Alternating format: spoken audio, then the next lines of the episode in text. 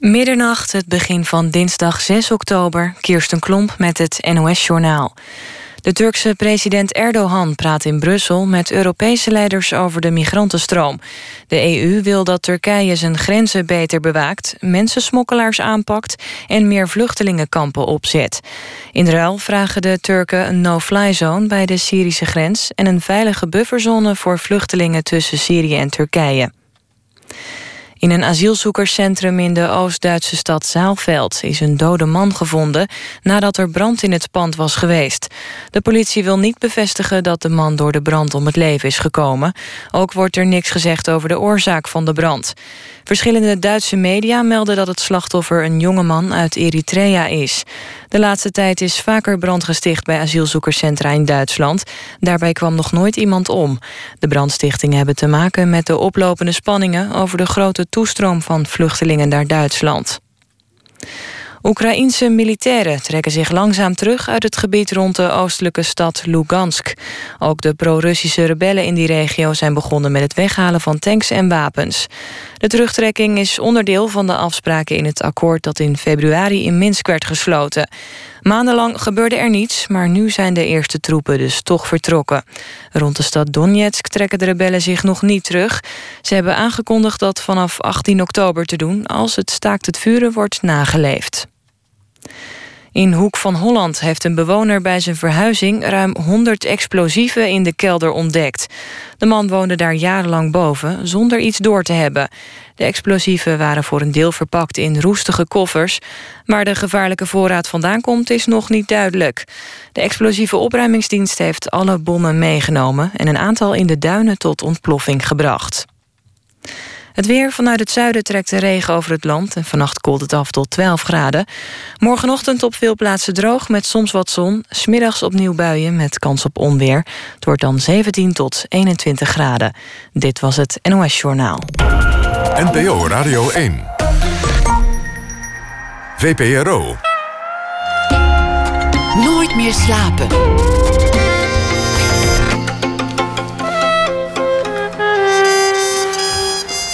Pieter van der Wielen. Goedenacht en welkom bij Nooit meer slapen. De kaasschaaf, de bierfiets, de koektrommel... een Nederlands zelfportret in 51 voorwerpen. Dat na één uur. Hoort u ook regisseur Frans Wijs en schrijver Ninja Weijers... over het werk en leven van kunstenares Charlotte Salomon. Maar we beginnen met Jack Woutersen. Van Waveren is de titel van de nieuwe voorstelling van het Roodtheater. Over een familie, over de geschiedenis van die familie... en hoe je afkomst je ook naar de afgrond kan drijven. Documentairemaker Wim van der Aar vond ooit op het Waterloopplein een doos met bandjes. Het bleken de persoonlijke opnamen van Guido van Waveren, die alles in zijn leven opnam. Elk gesprek, elk telefoontje, elke mijmering. Het werd een aangrijpende film. Bij het Roodtheater is het meer geworden. Een heel familie-epos op het toneel. Geschreven door Don Duins en Rick van der Bos en onder regie van Alice Zandwijk. En Jack Woutersen speelt de iets wat zullige vader. Jack Woutersen speelde eigenlijk van alles. Van theater tot film tot televisie en reclames. Van de C1000 tot de Smurfen. Van King Lear tot Theo van Gogh's 0605. Tot weer de funzige slager in de Noorderlingen. En dan heb ik nog heel veel overgeslagen. Geboren in 1957 in Soest. Begon uit bij het circus. Doet al heel lang... Uh, film, theater en televisie. En is van Amsterdam alweer verhuisd naar Rotterdam. Welkom, Jack Woutersen. Dankjewel. Het is werkelijk onvoorstelbaar wat jij allemaal hebt gedaan. Alle hoeken. Wat heb je eigenlijk niet gedaan als acteur? Uh, nou, dat is, ik, heb, ik heb alles gedaan en dat vind ik juist heel leuk. Van grote kunst tot grote flauwekul en hele populaire dingen waar mensen zijn van, waarom doe je dat in godsnaam? Knokfilms, geschieten. Ik vind het allemaal hartstikke leuk. het is, acteren is ook een beetje poppenkast spelen. En ehm, dus eh, als ik het één doe, dan, dan wil je op een gegeven moment het andere ook heel graag. En dat moet je dan vooral gaan doen. Zeg je dus nee? Uh, meer en meer, vaker. Ja, vroeger zei ik op alles ja. Uh, Nou, bijna alles ja. Eh, en en dat, dat is tegenwoordig ben ik veel kieskeuriger. Omdat ik ook merk dat ik wat ouder word. En ik wil gewoon nog een paar dingen doen die ik nog niet gedaan heb. Dus dan, sommige dingen heb je al eh, heel veel gedaan. Om, uh... Je bent gaan kiezen. Je denkt nu van ja, waarom zou ik dit doen? Wat voegt dit eigenlijk toe? Waarom is dit nog belangrijk? Ja, of wat vind ik daar leuk aan? sommige dingen zijn gewoon ook saai. Het is natuurlijk gewoon werken. En, en als je dingen al 24 keer gedaan hebt, dan waarom zou je de 25ste keer gaan doen? Uh, buiten dat ik eh, alles goed vind, ik heb er helemaal geen oordeel over. Want je moet ook weer je geld verdienen. Dus dat uh, vind ik volkomen normaal. Maar ehm, ja, sommige dingen heb ik nou wel gedaan. Ja. ja. Je bent um, een lijvige gestalte. Dit is radio, dus dat, dat, dat, zeg ik er toch maar bij. Je bent, je, je, bent groot en breed en lang. Dat beperkt natuurlijk ook wel het, het aanbod aan rollen. Mensen zullen je toch altijd vragen voor, voor iemand die heel groot is. Of, of valt dat wel mee? Ja. Ik, ik, ben overigens wat kleiner aan het worden hoor. Je bent, je bent heel veel afgevallen, maar je, je lengte en je breedte, dat, dat ja, dat, dat blijft natuurlijk altijd. Nog steeds een grote kerel.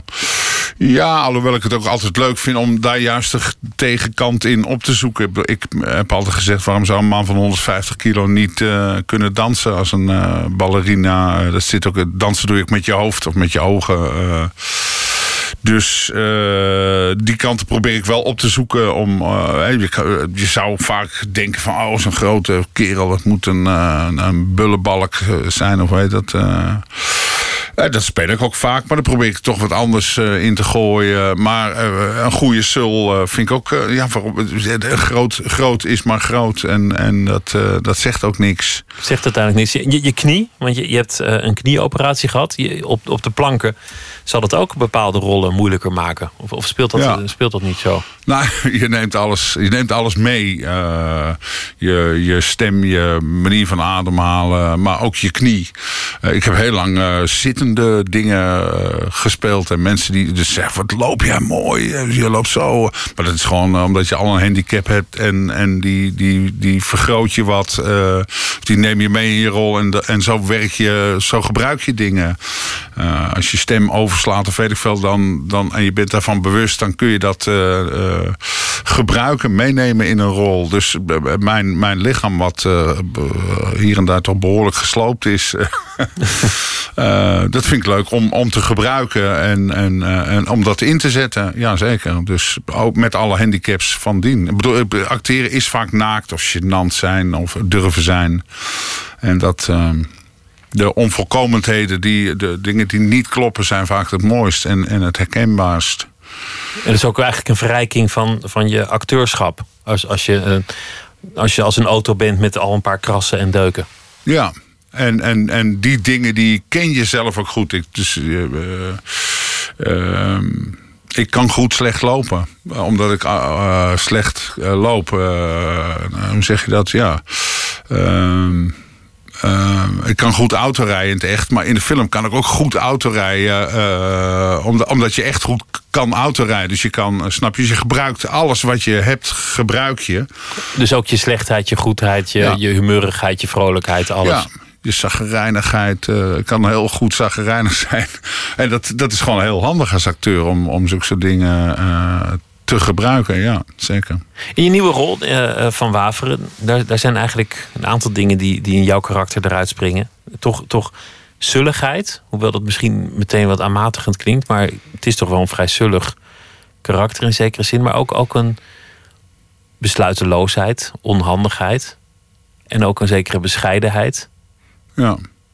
Het, het is een, uh, ook een. Uh, het, het komt in ieder geval van bestaande figuren af. Uh, dat, die zijn onze inspiratiebron geweest. Niet dat we die helemaal naspelen, maar de figuur die ik speel, die heeft die karaktereigenschappen die vertelde. En ehm, tot twee weken terug speelde ik dat ook veel eendimensionaler. Nog veel niet breekbaarder, maar voorzichtiger. Uh, en, en, en tegenkleur heb ik er pas later. Dat hij wat brutaler werd. Uh, want in het begin was het alleen maar een, een, een, een eikeltje, hoe zeg je dat? Een, een makkelijk object voor zijn broer. En ik probeer nu af en toe de boel wat duurder te verkopen. Het is een rol die in eerste instantie iets verder weg staat. Ik ben meer een straatfiguur, zou ik maar zeggen. Een, van jezelf? Van mezelf, ja. En deze man is toch uh, iemand die, uh, die het vooral van zijn denken uh, moet hebben. En, en met, een, met een hele grote binnenwereld. en en, en, en de, de laatste twee weken heb ik hem wat steviger gemaakt. Wat meer tegengekleurd. Ja, dat zijn dan van die uh, acteurstermen. Maar uh, waardoor die wat echter wordt. Want iemand is nooit alleen maar uh, een sul of... Dat valt me op in, in alle rollen die ik van je gezien heb. Dat de, de klootzak is nooit alleen maar de klootzak. Hij heeft ook ergens iets waardoor je hem toch misschien wel aardig zou vinden. De, de bruut heeft ook misschien ergens een, een zacht aardig trekje. Ja iemand heeft, heeft altijd ook iets van het tegendeel waardoor die fascineert. Ja. Ja, Hitler was ook aardig voor honden.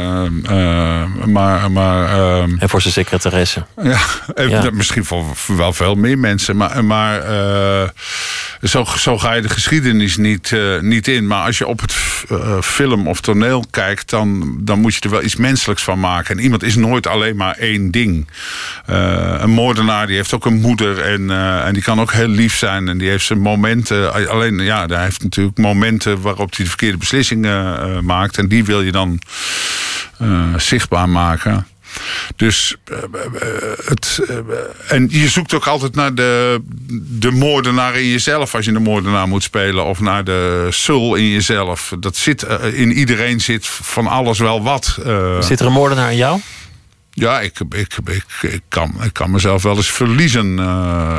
gelukkig kan ik dat inhouden. Maar ik, ik kan me wel voorstellen dat mensen dingen doen die, uh, die, die veel te ver gaan. Ja, ja, ja dat kan ik me wel, wel voorstellen.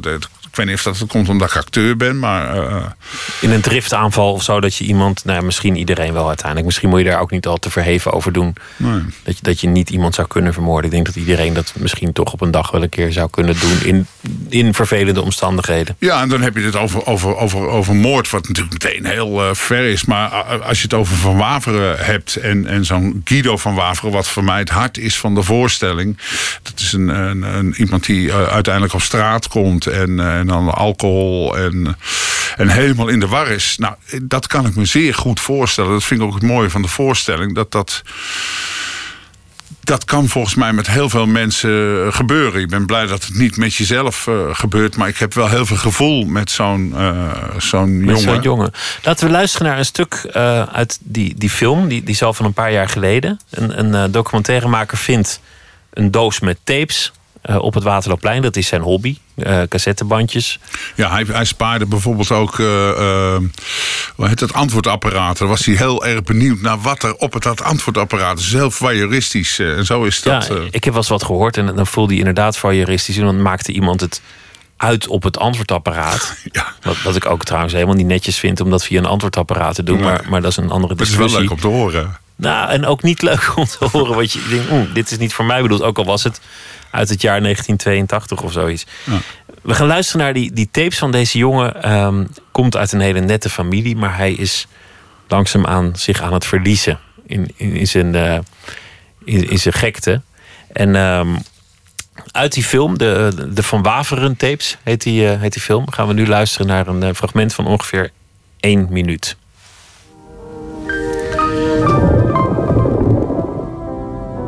In het water van de Prinsengracht, vlakbij het Anne Frankhuis, is vanochtend het lichaam van een Amsterdammer aangetroffen.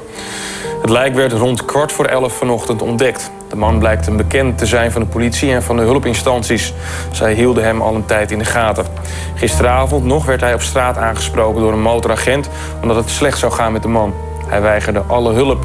Volgens de politie zijn er geen aanwijzingen dat het om een misdrijf gaat. Zij denken aan een fataal ongeluk mijn moeder die zit helemaal in die kunstzinnige toestanden met uh, schilderijen maken en altijd een eeuwig op je donder geven als je het niet goed ziet. Dat begrijp ik allemaal wel, maar het is het, tragiek van ons allemaal. Hè. We zijn, voor een heel belangrijk deel zijn we producten van ons ja. verleden. Ja.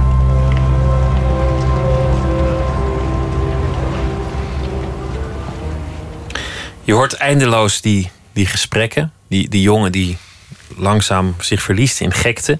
En zijn eigen theorie is eigenlijk: het, het, het komt door mijn familie. Zij hebben mij gek gemaakt. Ja. ja is, is dat plausibel of is dat ook de theorie van, van, van een gek? Nee, ik denk dat dat wel, wel, wel klopt in de voorstelling. De, de, de, het, het, het gaat over een, uh, een, een, jongen die inderdaad uh, op, op, op, op zoek is de theatervoorstelling uh, op zoek is naar zijn verleden. Om te zien waar hij vandaan komt. En, en zo ontmoet hij zijn uh, familie en, en zijn familiegeschiedenis. En die hebben ook heel veel met uh, Jung. was een, een, een, vaste klant aan de, bij de familie. die kwam daar over de vloer. En er zit ook wat theorieën van bij die volgens mij ook wel kloppen. Je bent je ouders, je grootouders. Uh, ik zelf ben geboren in 57, maar de oorlog, wat mijn ouders natuurlijk heel bewust hebben meegemaakt, zit in mij. Uh, hè, waarom ik zo dik geworden ben, is omdat het, uh, de welvaart opkwam en hun. eten was goed. Eten, eten, was beloning, eten was feest. Ja, en dat, dus ik geloof dat. dat, dat, dat je verleden, je familieverleden, heel bepalend is voor hoe je, hoe je zelf bent. Uh, dat klopt. Um... Die moeder heeft hem, want dat zegt hij in, in de film steeds, en dat, dat komt ook in de voorstelling uh, naar voren. Ik ben, ben zaterdag geweest kijken. Die, die, moeder die kan hem niet loslaten. Die blijft hem eigenlijk als baby zien. Die, die, die weigert hem te laten gaan. Hij, hij kan zich niet loslaten. En die moeder vult eigenlijk zijn wereld en zijn leven helemaal in. Ja. Ja, uh, en dat zijn ook allemaal teksten die bijna uh, echt zijn. Hè? Die allemaal opgenomen zijn van zijn moeders. We hebben heel veel fantasie dingen erbij verzonnen zelf. Zoals wij denken dat het gegaan zou kunnen zijn.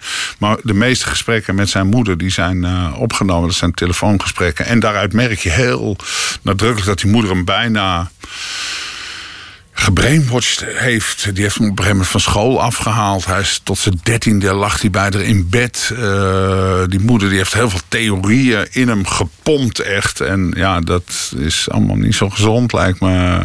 En dat is heel aangrijpend om te zien. Wordt geweldig gespeeld door Sylvia Porta. En, en, en Sanne de Hartog die speelt uh, Guido. Uh, ja, die, die is zo in de war. Uh, ja, ik vind, ik vind dat prachtig om, om mee op het toneel te staan. En als ik ja. dat zie doen, dan ben ik keer op keer geraakt. Jij bent de vader. En, en de vader is, is zeg maar de uitvinder die vergeet om het patent in te dienen. Of, of de man die eigenlijk wel weet dat de, de zaken van zijn broer niet deugen, maar toch akkoord gaat met een lening die, die hem zelf ja. ook financieel enorme schade berokkent. Het is de man die wel de intelligentie heeft, maar op de een of andere manier niet de, de daadkracht om om er iets mee te doen. Nee, het is de creatieve van de familie. Het zijn uh, uh, vier broers. Dus eentje gaat naar Amerika. Dat is dan de jong figuur, zou ik maar zeggen. De therapeut. En uh, ik ben de oudste, de creatieve, de, de uitvinder. En de tweede, die heeft de keukenhof groot gemaakt. Die ik dan weer uitgevonden heb of bedacht heb. Maar die, die, dat was een manager, een, een, een praatjesmaker. Een, is dat ook historisch? Is dat ook de ja. familie van de keukenhof? Ja, het is de familie van de keukenhof, ja. En de, en de derde, dat is uh, Frank. En die is dan uh, fout geweest in de oorlog. En die heeft het hele familiekapitaal, want ze waren schatrijk, die mensen. Dat heeft hij dus doorgedraaid. Die heeft zijn broers genaaid in de oorlog. En ja, wat dat betreft is het een Shakespeare-achtig uh, gegeven, zou ik maar zeggen. Het lijkt op, uh, op uh, King Lear, op de dochters die allemaal weglopen, ruzies krijgen en, en, en, elkaar ten gronde richten. En, en daar is de Guido dan uiteindelijk de dupe van. Het is een familie van mensen die in bieten conserven en bollen doen. En die uiteindelijk, nou ja, verraad plegen in de oorlog, maar ook de keukenhof oprichten van, van, van glorie en van neergang, van faillissement. En uiteindelijk dan die ene nazaat van een, van een gefortuneerde familie die in de gracht eindigt. Ja. Dood. Ja, ja, het, is, ja, het is. Uh, Het is een triest verhaal. Er kan, eh, er kan ook wel af en toe om gelachen worden. Maar eh, ja, het is. eh, het, het, het, is- uiteindelijk is het allemaal gedaan vanuit compassie naar die eh, Guido toe. En, en er zijn natuurlijk honderden Guido's die op straat eh, lopen... waar je dan met een bochie omheen loopt eh, meestal. Maar probeer zijn, eh, zijn verhaal te vertellen. En, en, en, en volgens mij kan iedereen dat overkomen. Dat is... eh, Het wordt een heel klein berichtje in de krant. Als die tapes niet Ja. waren gevonden, dan was het eh, pagina 6 van het Parool man gevonden in de gracht. Ja. Door toeristen die schrokken van een regenjasje. ja. En nu, is het een, een heel familie-epos geworden. Laten we luisteren naar een, een liedje van eh, Bertolf met de titel First and Then.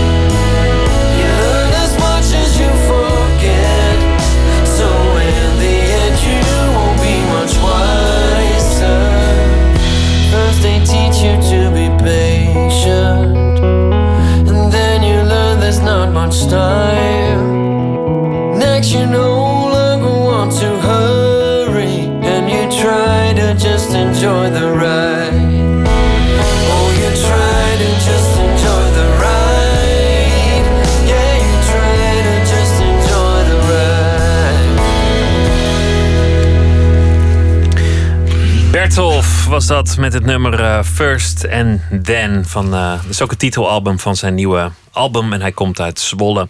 Jack Wouters is zit tegenover me naar aanleiding van eh, de voorstelling van het Rood Theater. Ehm, we hebben het net al gehad over de, de voorstelling van Waveren. Waar, over, waar overigens prachtige muziek in zit. Maartje Teusink. Live gebracht ook. Dat is echt Speciaal een gecomponeerd. s- groot onderdeel van de voorstelling. Omdat het heel sferisch en heel filmisch af en toe is. En die vrouw is zo... Dat is een, ja, dat is een eenmansband, zou ik maar zeggen. En die maakt eh, niet alleen liedjes, maar die maakt ook muziek, filmmuziek bijna... waarop het eh, tastbaar is om, eh, om te spelen. wa- waardoor je meteen voelt van... Ik, we zitten hier...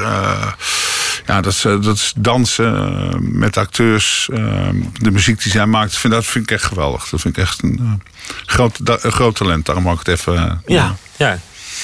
Um, en passant kwamen ook een paar andere dingen uh, langs. We hadden het over uh, familie. Kan een familie uh, de afgrond indrukken? En, en, jij zei, ja, je, je bent voor een deel ook je familie. Jouw, jouw vader, je opa, je, je moeder, je oma, die leven in jou voort. Je zei, de Tweede Wereldoorlog, hoewel ik veel later geboren ben... die zit nog in mij via mijn ouders. Dat, dat zit in mijn pakket. Da daarom ben je gaan eten, zei je bijvoorbeeld. Je zei ook alles wat ik speel, dat, dat zoek ik in mijzelf. De moordenaar zit in mij, maar ook de, de zachtaardige man. Je, je kunt alles in jezelf vinden. En je zei eigenlijk, ja, ik, ik doe steeds minder. Want ik, ik ben meer gaan kiezen. Ik ben meer gaan kiezen wat ik wel wil, wat ik niet wil. Want, want je zei, ja, ik word toch een dagje ouder. Ik moet nu wel op gaan letten dat ik alleen de fundamentele dingen doe. Nou, en dingen doe die ik nog niet gedaan heb. Dus ik ben 58. Hoe lang heb je nog? Ik vind het hartstikke leuk hoor, werken. Ik wil zo lang mogelijk blijven werken. Maar niet alleen maar. Ik vind vrij ook belangrijk. Vroeger vond ik alleen werken maar belangrijk. Terwijl nu vind ik op een berg zitten met een stukje stokbrood en de hond... vind ik ook zeer belangrijk. En nodig in het leven. Maar er zijn een aantal dingen die ik nog niet gedaan heb met mijn werk. En die wil ik doen. En, en dan moet je forceren. Want er is niemand die uh, je daarvoor vraagt. Dus dan moet je dat zelf voor zorgen dat dat soort werk uh, gaat gebeuren. Dat het komt. En dus ook de agenda leeghouden.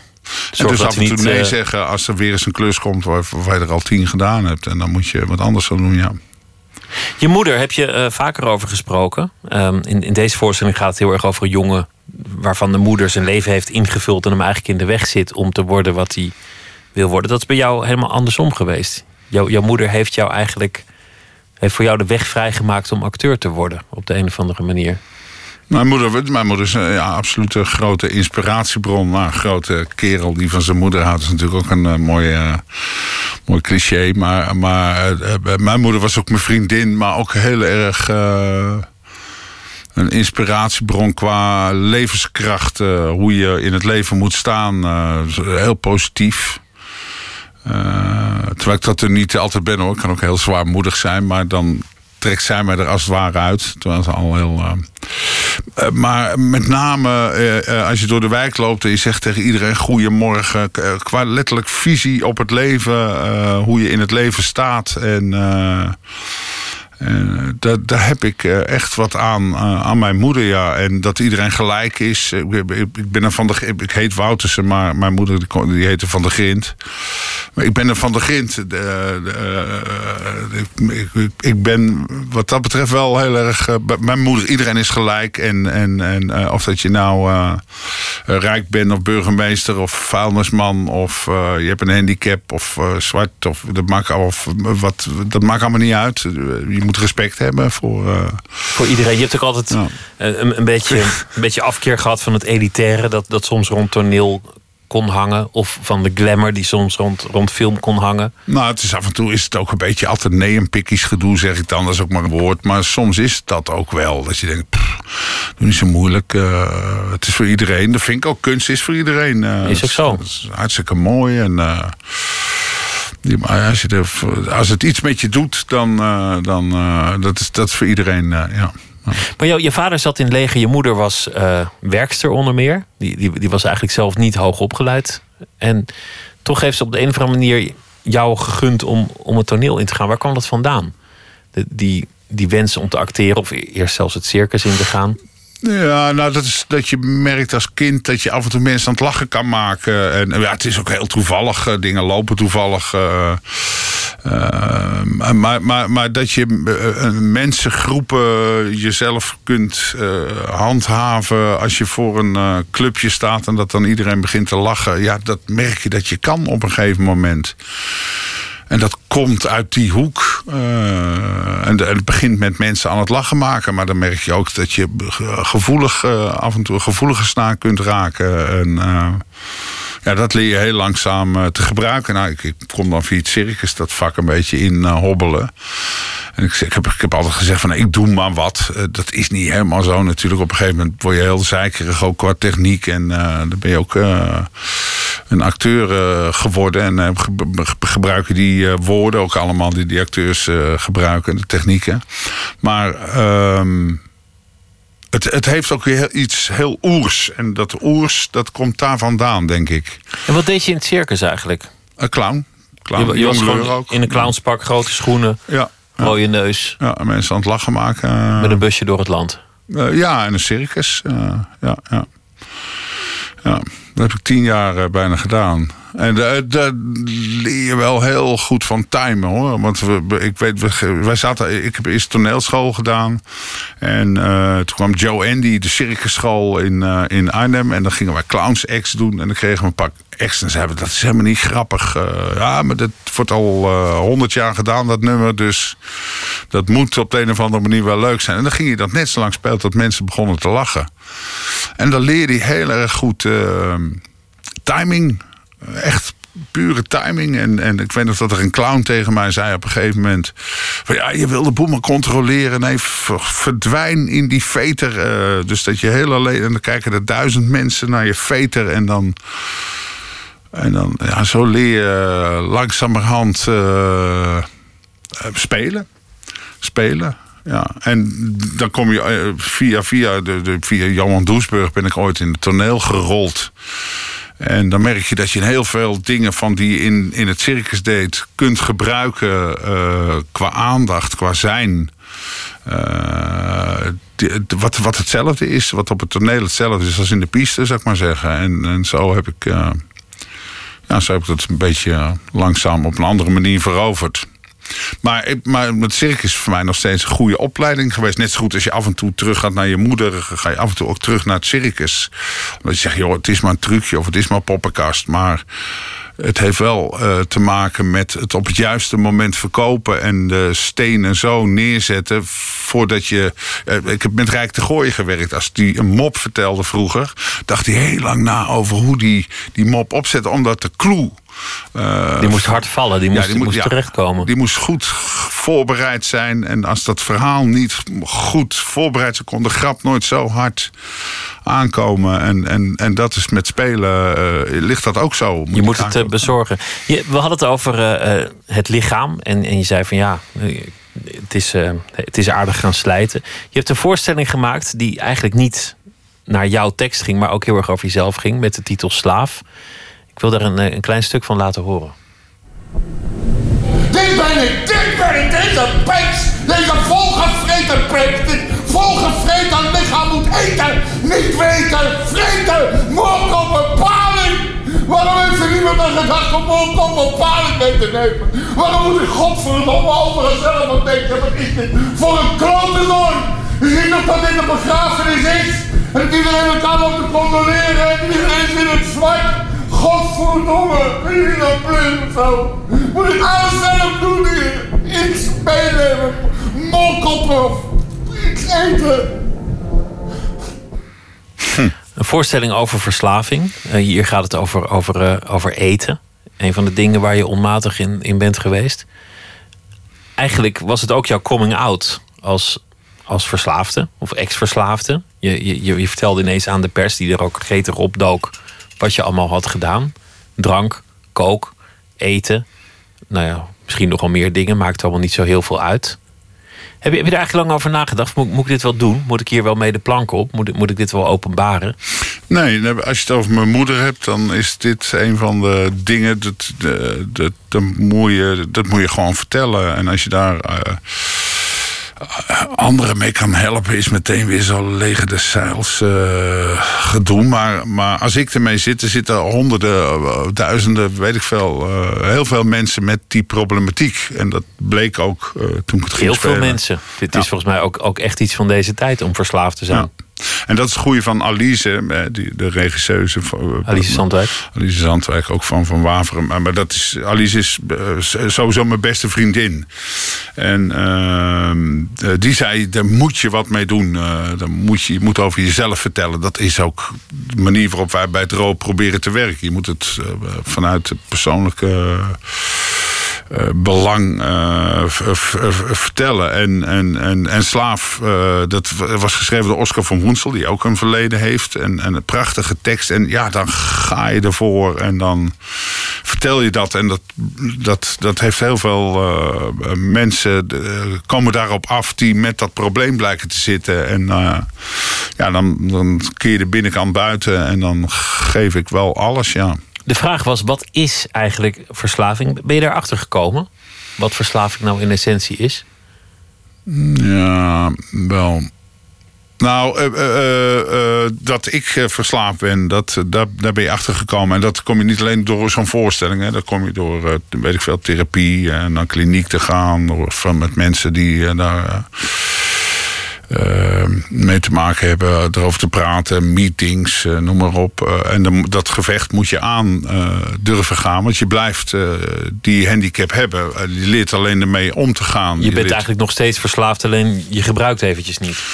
ja, en je, je leert de, de situatie herkennen. Je voelt hem aankomen als er onrust in je komt. Wat, wat iedereen kent. Stress, noem maar op. En dan vroeger loste ik dat anders op als nu. eh, ja. Dus ik ga nu inderdaad met mijn hond eh, op een berg zitten. En dan, eh, dan komt het allemaal goed. En, en, en, en je maakt andere keuzes. eh. maar eh, het, het, de, de hel van wat verslaving is, ja, dat, dat, daar ben ik wel goed doorheen gegaan met die voorstelling. Dat heb ik wel, vind dat heeft Oscar heel mooi verwoord, maar dat heb ik dan mogen. mogen Maar is, is het gewoon een, een bepaalde setting van je brein? Is, is het iets geprogrammeerd of is het iets wat je in je karakter hebt? Of ligt het toch echt aan het stofje? Wat je tot je neemt? De, de, een kan eh, drinken en de andere niet. De een kan roken en de andere niet. Als ik ga roken, rook meteen twee pakjes. Als ik ga drinken, dan. eh, In alles eigenlijk. Ik ben mateloos, ja, ja, ja, ja. En dus ik moet maat, daarom met eten ook. Ik bedoel, ik merk meteen als ik nu, eh, we zijn net in première gegaan, nou, dan duikt de koelkast in als het niet gaat. Terwijl ik heb nou een maagverkleining, dus het gaat wat, eh, wat moeilijker. Maar je ziet dat mechanisme eh, is gewoon eigenlijk hetzelfde. Terwijl als je dat nu doet, dan moet je, dan moet je kotsen waarschijnlijk. Ja, of je krijgt buikpijn en dan weet je van nou, om die buikpijn te voorkomen doe je het niet. En, en, en ik kan mijn eigen beter beheersen omdat ik dat gevoel inmiddels eh, herken en, en, en eh, beoordeel. En, eh, en, en, en daar dus wat eh, mee of aan probeer te doen en het niet zo ver te laten komen. Maar, maar in principe heb je dat nog. Ja, natuurlijk heb je dat. en dat heeft iedereen. Ja, je, noemde, je noemde je hond. Het verhaal dat ik hoorde is dat, dat je hond ook aankwam. Omdat je elke keer als je een frikandel ging halen... Ja, er ook ja. maar één aan de hond gaf. En dat de hond ook op het laatst obese was. Ja, ik heb, ja, ja, mijn oude, oude hond Wim, schat van een hond echt. Die was echt eh, veel te dik en, eh, en die be- bewoog moeilijk. En die is gelukkig wel heel oud geworden. Maar die zag je echt aan eh, dat hij 10 ki 10 kilo te zwaar was. Die ging ook, als hij bij de dierenarts kwam, liep hij meteen de weegschaal op. en dan ging hij op dat ding staan, want dan wist hij van ja, oh ja, dat is het probleem. eh, dus dan moest iedere keer gewogen worden. Van ja, en dan weer eh, light voer ook en al dat soort gedoe. Maar die had er eh, last van. Terwijl ik heb nu een eh, nieuwe, nieuwe hond. En maken we de fout niet. Eh, die belonen we niet met voedsel. Maar met aaien en knuffels. En, Net zoals bij de menswerk. Want je zei al als, als kind van mensen die de oorlog hebben meegemaakt... werd je beloond met voedsel. Was eten iets wat je moest, moest koesteren. Is mateloosheid aangeboren eigenlijk? Of aangeboren en aangeleerd. Eh, eh, ik, ik, denk, ik denk wel dat het meer in mij zit dan eh, in, in jou. Maar het blijkt in heel veel mensen te zitten. Maar het is in mij ook heel erg getraind van jongs af aan... dat de tompoes op zaterdagavond het hoogtepunt was van, van het weekend. En, en als je een tweede kon krijgen, nou, dan, dan, had je, dan zat je in de hemel. En als ik met mijn moeder, die veel goed heeft gedaan... maar die, zei op een gegeven moment, ah, ga je mee, eh, gaan we naar Den Bosch eh, winkelen, weet je wel, met de bus. Dan vond ze het niet leuk om alleen te gaan. Nou, dan ging je met, zei nee, nee, nee. Zei ze, nou, dan krijg je een worst bij de HEMA. eh. En dan ging ik mee. Ik was gewoon om te kopen met eten. En ik vind nog eten het, het leukste wat er is. Het, het, het zet mij in een, buiten, dat Italiaanse met zo'n lange tafel met twintig mensen en de hele avond eten. Acht uur beginnen, om twee uur s'nachts klaar. Dat vind ik, vind ik het leukste wat er is. Ja, maar ja, er is wel een punt dat je moet stoppen natuurlijk. Ja. Ja. Ja. Je, bent, je bent wel een strenge opvoeder. Dat, dat, dat, dat vond, vond ik grappig om te horen dat je wel grenzen stelt aan, aan, aan je zoon. Nou ja, dat, inmiddels hoeft het niet meer, maar Nou, mijn kleindochter. Ik heb een kleindochter nu. Daar ben ik, eh, dat ontzettend leuk. Maar het mag alles. Maar ik ben af en toe heel streng. Dus met eten en zo. eh, eh, dan, dan, dat, dat, dat, dat- daar gooi je niet mee. Of, dan ben, ja, dan ben ik echt wel streng qua regels. Ja. Want wat in de voorstelling zit, de- een, een opvoeding die iemand uiteindelijk met, met de beste bedoelingen mag je dan vanuit gaan de gracht in drijft. Wa- Wat je nu vertelt over je eigen moeder, die heel lief bedoelt en toch daar de, de kiem legt voor onmatigheid. Die, die verantwoordelijkheid van een opvoeder is, is eigenlijk niet te dragen als je er zo over nadenkt. Nee, maar je kan ook zoveel van iemand houden. eh, dat je niet eh, de goede dingen eh, doet. Ik denk dat de moeder van Guido. eh, eh, In de voorstelling? Ja, dat hij denk ik wel heel erg gek was op die zoon van haar. Maar ja, niet helemaal eh, de goede dingen. En loslaten. Je moet elkaar ook los. je moet iemand op een gegeven moment moet je zo'n kind ook het huis uittrappen als ze 18 zijn. En zeggen van doe het zelf maar natuurlijk. Jij was heel jong en je werd verliefd. En, en de vrouw op wie je verliefd werd, die, die, die was reeds zwanger. Ja. Jij was niet de, de verwekker. Maar eigenlijk ben je, dat avontuur gewoon zonder al te veel twijfel ingestapt. Of, of was er toch wel een moment dat je dacht: Jezus, waar begin ik nu weer aan? Ehm, nee. Nee. Nee, eigenlijk niet. Nee, nee. Ik heb het er niet zo heel veel. Ik ben niet zo'n denker. Als je verliefd bent, dan ben je verliefd op iemand. En als je verliefd bent op iemand die zwanger is, ja, dan ben je verliefd op iemand die zwanger is. Dan kan je wel gaan lopen denken van ja, maar hoe zit dat nou precies? Ja, een kind is een kind ook. Wat is er mooier dan een kind? Eh, en eh, een kind is onschuldig. Dus eh, dat ik denk dat is niet mijn zaad, dat vind ik allemaal gelul. Eh, kind, is, kind, kind is altijd geweldig. Maar ja, je hoort mensen altijd over degene, ditgene, dat. Ja, ja dat heb ik minder. het, zo, het is gewoon je eigen zoon Ja. geworden. Maar dan was je eigenlijk heel jong. Meer, meer dan. Het is eh, zo'n eh, eh, vriend. Kijk, en dat heb je. Dat, nu bij mijn kleinkind merk ik van.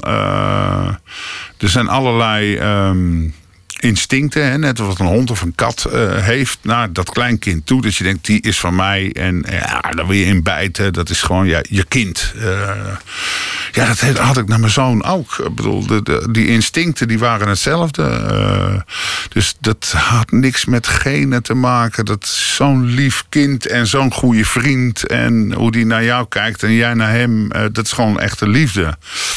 En ja, dat blijkt wat voor mij... Ja, misschien heb ik...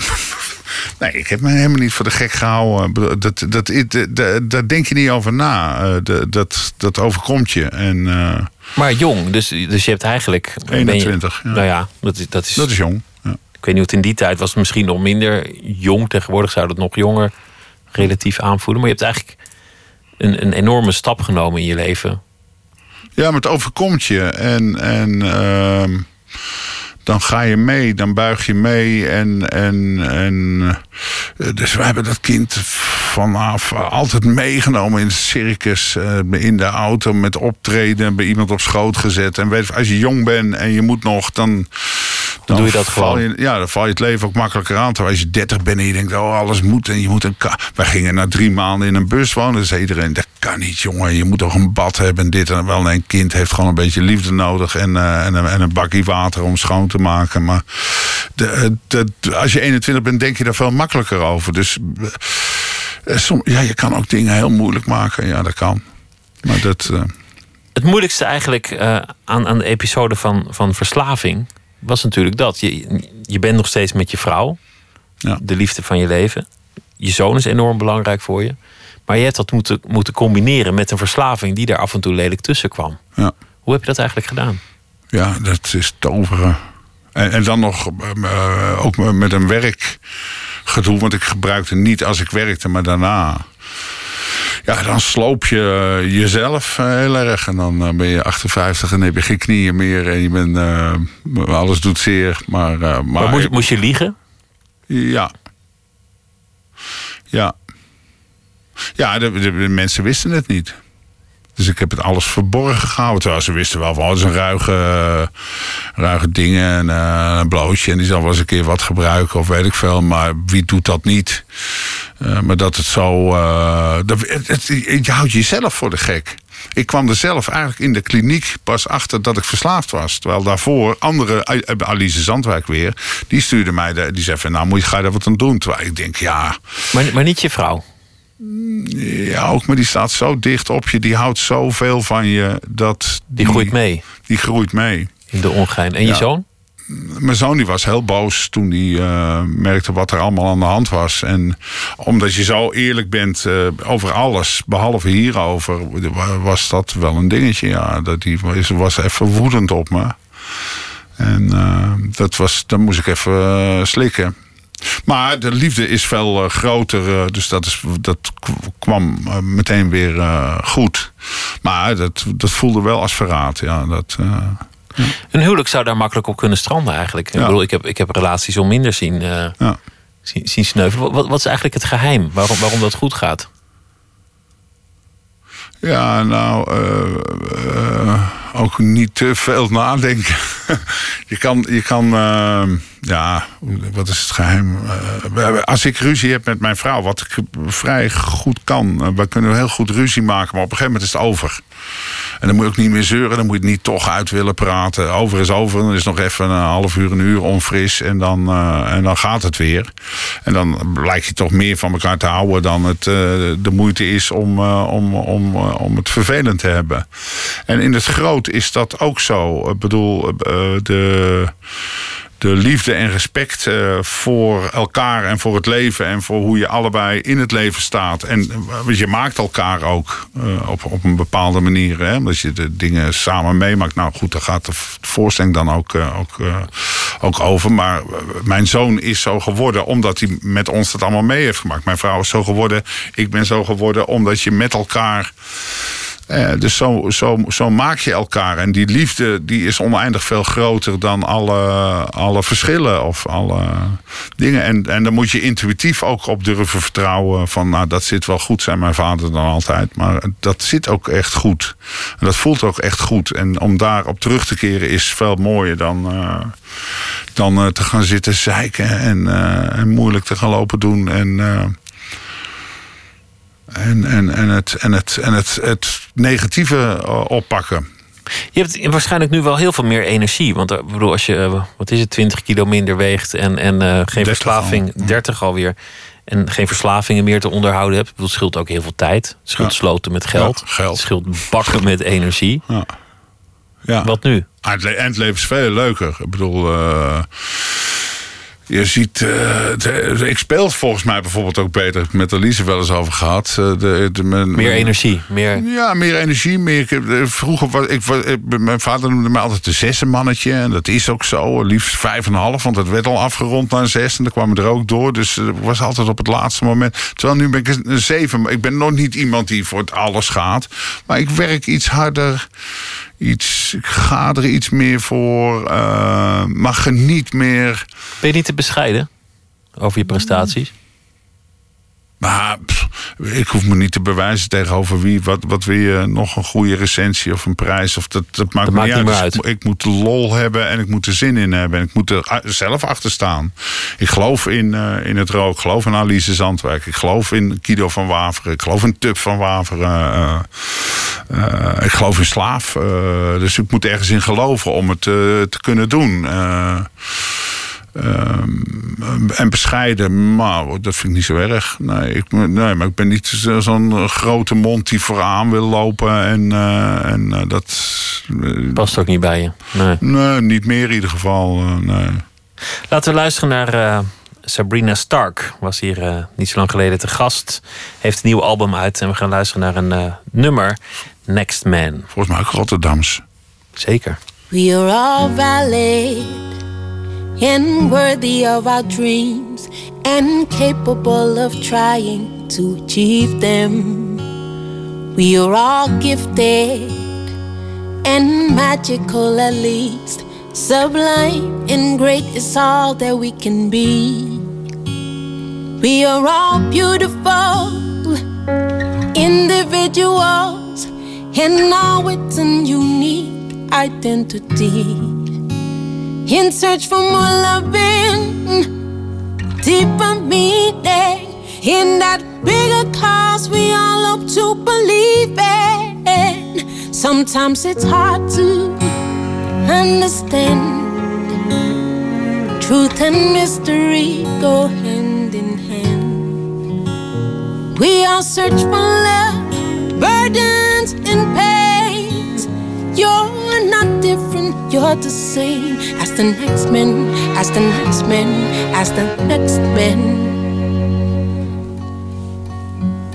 We make excuses, we set aside our dreams, even though we can be anything. We think we're not worthy, we all seek happiness, and in between we're lost and confused. We can be sinners, not of judgment. Won't look deeper than the human eye can see. Know that the universe here to provide love, and that's one thing that you should take notice of. Sometimes it's hard to understand. Truth and mystery go hand in hand.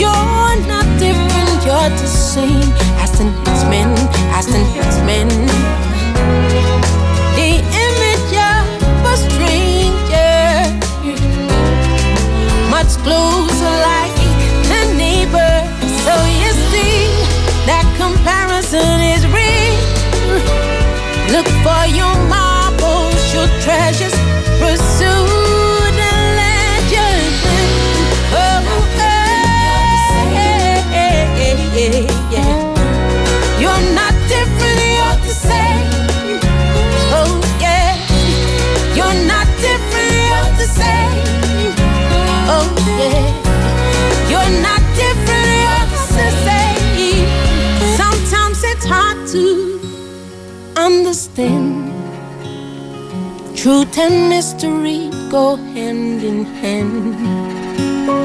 We all search for love, burdens and pains. You're not different, you're the same as the next man, as the next man, as the next man. Sabrina Stark met het eh, nummer Next Man van haar eh, nieuwe album. Jack Wouters zit tegenover mij, acteur. We hebben het over, eh, over van alles gehad. En ja, daar zit je dan. Je zei, ja, ik ben meer gaan kiezen in, in, in wat ik nog wil gaan doen. Want ik word wat ouder, het lichaam slijt hier en daar. En ik ben gewoon zorgvuldiger, want ik wil nog een paar dingen doen. Je vertelde over, over het opvoeden van je kind. Gene zeide je niks. Je zei, het is, het is gewoon mijn zoon en ik heb mijn best gedaan. Je hebt verteld over je onmatigheid. Een paraplu voor verslavingen en, en eetstoornis en alles. Maar daar ben je vanaf gekomen. En we hebben het gehad over je werk waarin je eigenlijk alles hebt gedaan. Ook weer onmatig. Zou je kunnen zeggen. Ben, je nu een gematigde man? Kan dat? Uh, nee, dat onmatig, dat zit wel in me. Uh, maar ik heb er wel beter mee leren omgaan. En ik uh, heb maat aan moeten leren, zal maar zeggen. En ja, dat, dat, pas ik nou zo toe in mijn, leven. Of dat nou is met je rustmomenten pakken... of minder eten, één genaaltje in plaats van een hele bord. Vroeger nam ik een hele schaal bitterballen. Ik had geen rust voordat die hele schaal op was. Terwijl nu kan ik met één bitterbal, dat is prima. Dus het, is wel, het, is ook wel, lekker, want het is gewoon een kwestie van, van kiezen. Wat heb ik nog nodig? Wat moet ik nog? Misschien hoort het ook wel bij ouder worden. Ja, ja. Dat vind ik, ik ben ook heel tevreden met uh, ouder worden. Met alle handicaps die het uh, meeneemt. Maar ik vind het heerlijk. Het, het, het is allemaal wat uh, rustiger. Ja, zeker. ja, ik, ik zie wel uit naar de komende 15 jaar. Want je zei eigenlijk, je vormt ook elkaar. Ik bedoel, je bent geworden wie je bent geworden, ook door je vrouw, ook door je zoon en andersom ook. En, en zonder het een was ook niet het ander daar geweest. Hadden we ook die reizen niet gemaakt, waren we niet op die plekken geweest. Hadden we, nou ja, had jij dan die, die films of voorstellingen niet kunnen maken. Maar je zei, er zijn nog een paar dingen die ik wil doen. En daarom Ja, soms- matig ik mij. Ja, soms moet je ook een zwenk geven, een keuze maken. Dan moet je zeggen, van, ik stop hiermee, ik ga even die kant op. Of ik, eh, en dan moet je dingen forceren om een andere kant eh, op te gaan. Ik blijf wel eh, speler of maker. Eh, van, van televisie of theater. Dus, eh, en wat voor kant het precies op gaat, weet je ook niet. Maar je kunt het wel ongeveer sturen. Dus er zijn een aantal dingen die ik nog eh, wil doen. En, eh, als, als ze, ik heb ooit van die knokfilms en die cowboy met het schieten. Dat vind ik hartstikke leuk. Als ze me ervoor vragen, doe ik meteen mee. Uh, maar er zijn een aantal dingen waarvan ik zeg, daar ben ik niet aan toegekomen. Die ik volgens mij wel heel goed kan. En die moet ik uh, voor mezelf uh, maken. En, da en dat, dat is volgens mij de toekomst. Dus ik ben een productiemaatschappijtje begonnen in Rotterdam. Ik maak daar televisie, een aantal documentaires. waar ik mensen interview en met mensen op pad ga om dingen. Om Rotterdam beter te leren kennen. Om, om, om kunst te proeven. Uh, maar ook om verhalen te vertellen. En dat zijn verhalen die ik, waar ik zelf bij betrokken ben. Maar ook waar ik schrijvers uh, voor, voor inzet. En die heel persoonlijk en heel klein en kleinschalig gemaakt worden. Waarvan ik hoop. Uh, zo heb ik bijvoorbeeld Slaaf uh, helemaal. Uh, ja, wel met, met, met, een aantal mensen natuurlijk. Maar ver, verfilmd. En dat is monnikenwerk geweest. En uren daarin. En dat, dat, dat betaalt zich nauwelijks uit financieel of qua wat er opkomt. Maar ik vind het fantastisch om te doen. Ik zie het ook aan je als je erover praat. Dan krijg je een soort, soort glundering op je, op je ja. gezicht over die, over die projecten. Ja. Heel bazaal eigenlijk. Gewoon in een busje stappen met mensen. Ja. Ergens naartoe gaan en iets gaan maken omdat je daar zin in hebt. Ja, ja. Ja, in plaats van een klus doen omdat je er betaald voor krijgt en hem zo goed mogelijk doen. Wat ook heel mooi is. En, want je kan je aansluiten bij andere mensen. En natuurlijk heb ik wel redelijke dingen gemaakt in mijn carrière. Maar echt iets moois waarvan ik zeg van dit vind ik nou uh, prachtig. Dat, dat, dat gaat nog komen, hoop ik. En waar, waar heeft het je eigenlijk allemaal gebracht? Ik bedoel, als je nu, je kijkt een beetje terug, je kijkt een beetje vooruit, je staat dan op dit, op dit ene punt. En dan kun je al een beetje overzicht bieden van, nou ja, dit is eigenlijk toch thema geworden in mijn bestaan. Um, ja, nou, ik ben, ik ben heel tevreden in de zin van dat ik uh, mezelf uh, niet meer voorbij loop. Uh, steeds meer dat, dat die inspiratiebron van, van mijn moeder, waar je ooit mee begon, dat komt weer steeds dichterbij. ik word steeds meer mijn moeder en mijn vader ook. Ga je ook op ze lijken nu? Ja, ik, vooral nu ik afval, dus dat dikke camoufleert een hoop. Maar ik val nu heel erg af en ik zie steeds meer mijn vader uh, terug in in mijn gezicht. Maar ik zie mijn moeder qua gedrag heel veel uh, terug. Uh, achteraf, hè. Dus niet dat je dat van tevoren voorneemt van ik ga me zo gedragen. Nee, ik doe een aantal dingen en denk, god, dat deed mijn moeder ook. en, en, en een aantal herwaarderingen van het, het leven. hoe je je gedraagt op, op straat, in de winkel. waar je blij van wordt. Ik word blij van als een moeder de kind op de crash ophaalt. En dan stop ik even en dan vliegen ze elkaar in de armen. En dan, en dan is mijn dag uh, goed. Dat moet je zien. Uh. En het zijn niet degene, zei je, want daar geloof je eigenlijk niet zo ontzettend in. Of dat zeg je eigenlijk niet zoveel. Maar het is dan toch wat, wat er in die eerste maanden, jaren van je leven gebeurt. Nou, misschien zijn het wel degene, maar ik bedoel, om dat te weten dat dat degene zijn, daar heb je niet zoveel aan. Dus ik, ik, ik voel maar een beetje. en, uh, en ja, wat dat betreft doe ik maar. Dus om, om te weten hoe het zit allemaal, dat, dat weet ik niet. Daar ben ik vaak niet zo goed in. Alle gelul, er wordt zoveel geluld. Ook een toneel, dat, dat vind ik dan moeilijker met repeteren. Er wordt zoveel geluld en je moet zoveel afspraken maken. Terwijl, wap, gewoon uh, op een gegeven moment... je bent een echte Rotterdammer geworden. Trouwens. Ja, een beetje wel, ja. Ja, ik vind Rotterdam... Ik woon de laatste tien jaar in Rotterdam en dat past heel goed bij me. Ik ga Amsterdam niet afzeiken, maar uh, Rotterdam past zeer goed bij me. Vind ik een hele leuke stad. Gebeurt een hoop en dat, uh, ja, het is nou nonsens. En het Rode Theater is ook, ook min of meer vergroeid met, met die stad. ja, een, een, en dat is ook echt mijn gezelschap. De mensen die daar werken, de mensen met wie ik nu op toneel sta, dat zijn mijn mensen. Uh, Herman Gilles, Sylvia Porta, Vanja. Dat is jaar, ja. Dat zijn acteurs echt naar mijn hart. En daar sta ik, uh, daar staan, we vechten ons uh, ons te pletter. Uh, we werken keihard omdat we in elkaar geloven. En, en, in dat verhaal natuurlijk ook. En in Anneliese Zandwijk. Maar uh, ook heel erg in elkaar. Dat zijn mijn mensen, ja zeker. Van Waveren heet de voorstelling. Jullie gaan reizen door het hele land. Hij is nog op heel veel plekken te zien. Van het Rood Theater. Dank, Jack Woutersen. Heel veel, heel veel succes met alles wat je gaat doen. En met de voorstelling vooral. Ik vond het gezellig. Dankjewel.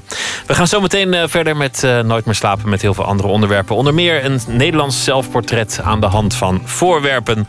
Zoals daar zijn de kaasschaaf, de koektrommel en uh, het washandje geloof ik ook. Twitter, het VPRO NMS of via de mail nooit meer slapen, het VPRO.nl. Graag tot zometeen.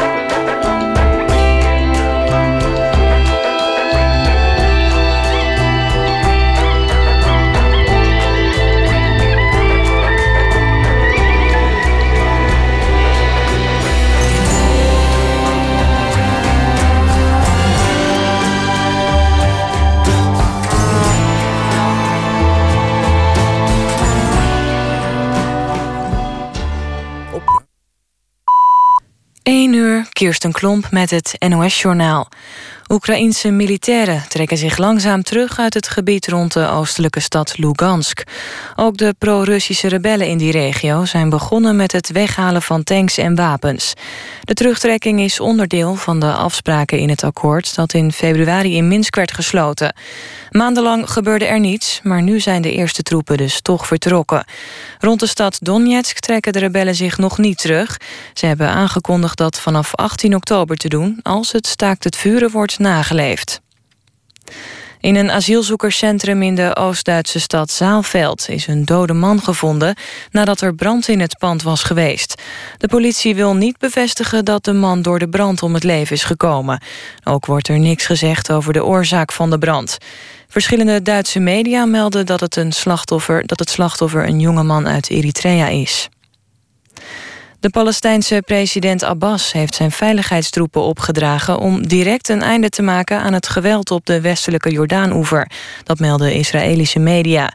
De moord op een Israëlisch echtpaar op de Westoever, donderdag, was de aanzet tot een reeks van protesten, rellen en schietpartijen tussen Palestijnse demonstranten en het Israëlische leger in Jeruzalem en op de Westoever. Gisteren nog werd een 13-jarige Palestijnse jongen gedood door een Israëlische kogel. De gezagvoerder van een Amerikaans vliegtuig is tijdens een vlucht onwel geworden en overleden. Het toestel van American Airlines was met 147 passagiers onderweg van Phoenix naar Boston. De co-piloot heeft een noodlanding gemaakt in Syracuse, New York. De gezagvoerder was toen al overleden. Het vliegtuig is met een nieuwe bemanning doorgevlogen naar Boston. Het weer, er trekt een gebied met regen over het land en het koelt af tot 12 graden. Morgenochtend op veel plaatsen droog en van tijd tot tijd zon. Smiddags en s avonds opnieuw buien, soms met onweer. Het wordt dan 17 tot 21 graden. Dit was het NOS Journaal. NPO Radio 1.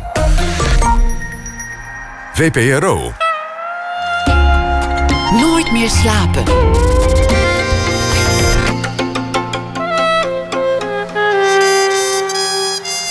Pieter van der Wielen.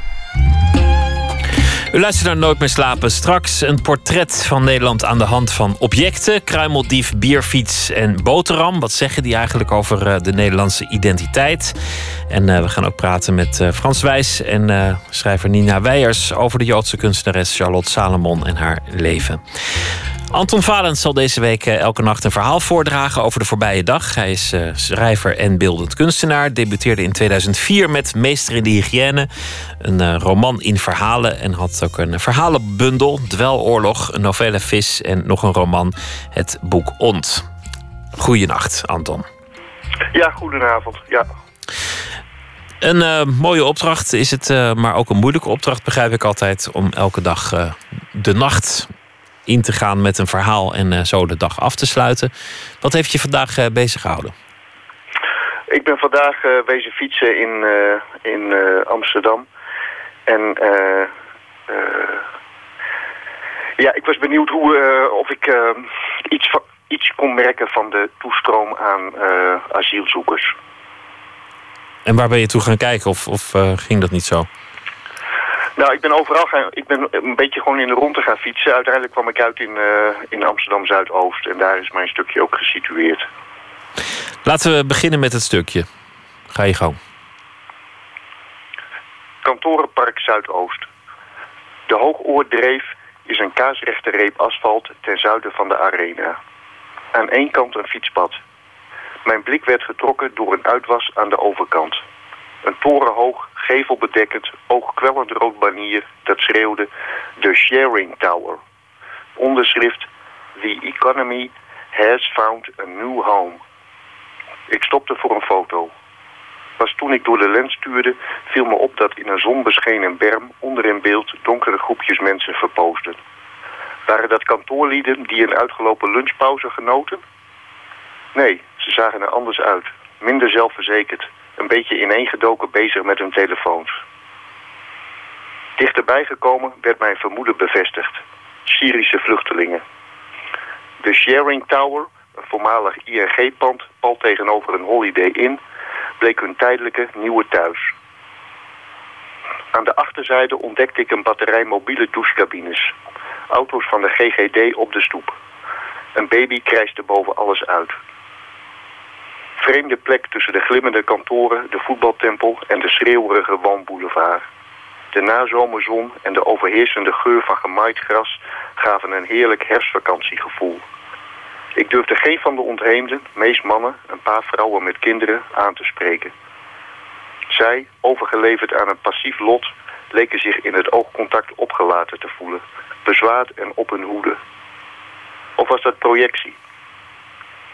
50 meter verderop was er niets van vluchtelingen te merken. Bij een stoplicht werd ik aangesproken. Meneer, bent u hier bekend? Ik zoek de toekomst. De toekomst. Ja, zo heten ook allemaal straten daar natuurlijk. Hè? Die hebben allemaal dat soort, uh, dat soort namen. Ja, dat is volgens mij een Ajax-opleidingscentrum wat de toekomst heet. Aha, vandaar de, de toekomst. Ja, ja het, is, uh, het is een contrast natuurlijk. Het leven gaat, uh, gaat elders verder. En ineens is het wereldleed ook uh, in de stad te aanschouwen. Maar dat heeft wel iets, iets ongemakkelijks. Ja, ja, het heeft iets ongemakkelijks. En het is ook, ja, het heeft ook iets... het zijn natuurlijk wel een hoop mensen, maar in zo'n grote stad... Nou ja, Amsterdam is eigenlijk niet eens zo'n grote stad. Maar is het eigenlijk ook maar een heel klein groepje omdat ja, op 1 miljoen mensen valt het nog relatief in het niet. Ben je dan eigenlijk een, een ramptoerist als je op de fiets gaat kijken waar ze, waar ze zijn? Nou, dat weet ik niet. Ik ben. Uh, uh, ja, misschien wel trouwens. Uh, ik was benieuwd wat voor impact die, deze toestroom heeft op de stad. Of je daar iets van kon merken. Oh, in mijn dagelijks leven merk ik namelijk eigenlijk heel erg weinig van. Terwijl het in de kranten de hele dag over gaat. Ja, precies. Het, uh, uh, ja, heel veel mensen zijn ermee bezig. Heel veel mensen zijn opgewonden. Uh, en inderdaad, alle nieuws gaat... Of nee, niet alle nieuws, maar heel veel nieuws gaat erover. Dank voor je verhaal. Ik ben benieuwd waar je morgen mee komt. En een goede nacht. Graag weer tot morgen, Anton Valas. Dank je wel. Ja, bedankt. Oké, okay, dag. James Taylor maakte hit na hit in de jaren 70. En uh, dit is een periode. Uit, of uit die periode één uh, nummer. En dat heet Steamroller. Well, I'm a steamroller, babe. I'm bound to roll all over you.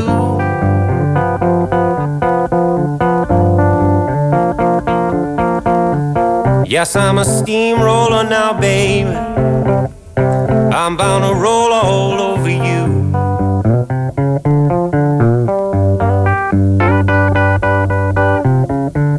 I'm gonna inject your soul with some sweet rock and roll and shoot you full of rhythm and blues. Well, I'm a cement mixer, a churning urn of burning funk.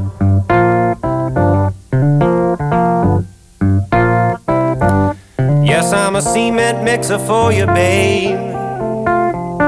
A churning urn of burning funk. Mm-hmm. Well, I'm a demolition derby, yeah. A hefty hunk of steaming junk.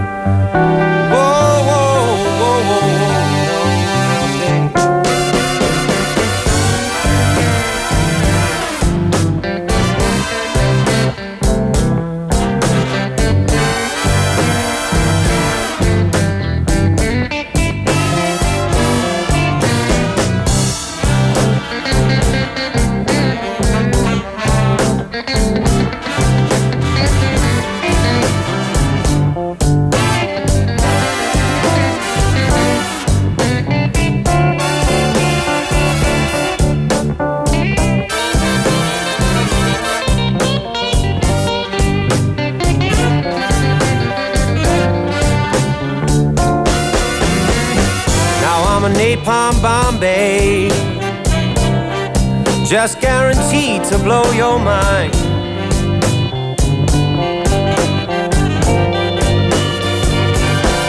Yeah, I'm a napalm bomb for you, baby. Whoa, guaranteed. Just don't guarantee to blow your mind, yeah.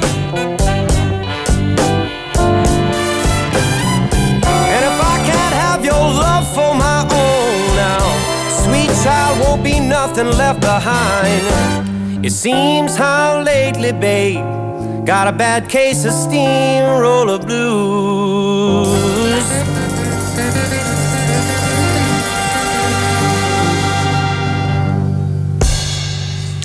James Taylor, Steamroller van zijn eh, plaat uit 1971 met de titel Sweet Baby James. Nooit meer slapen. Probeer een Fransman maar eens uit te leggen wat een kaasschaaf is. Of aan een Italiaan te vertellen waarom je een koektrommel hebt en wat daar precies de omgang mee is. De loftrompet over de bierfiets afsteken tegenover een Amerikaan. Ook ingewikkeld. Voorwerpen als deze kenmerken Nederland zo intuïtief dat het net over de grens volledig onbegrijpelijk wordt. Wim Brands en Jeroen van Kan maakten samen een boek. Nederland, een objectief zelfportret in 51 voorwerpen. Een objectief zelfportret in 51 voorwerpen. Met dus ook verschillende schrijvers die over een eh, object hun licht laten schijnen. Maarten Westerveen liet zich voorlichten door Jeroen van Kan en Quincy Gario. De een schreef eh, over de washand en de ander over de pepernoot.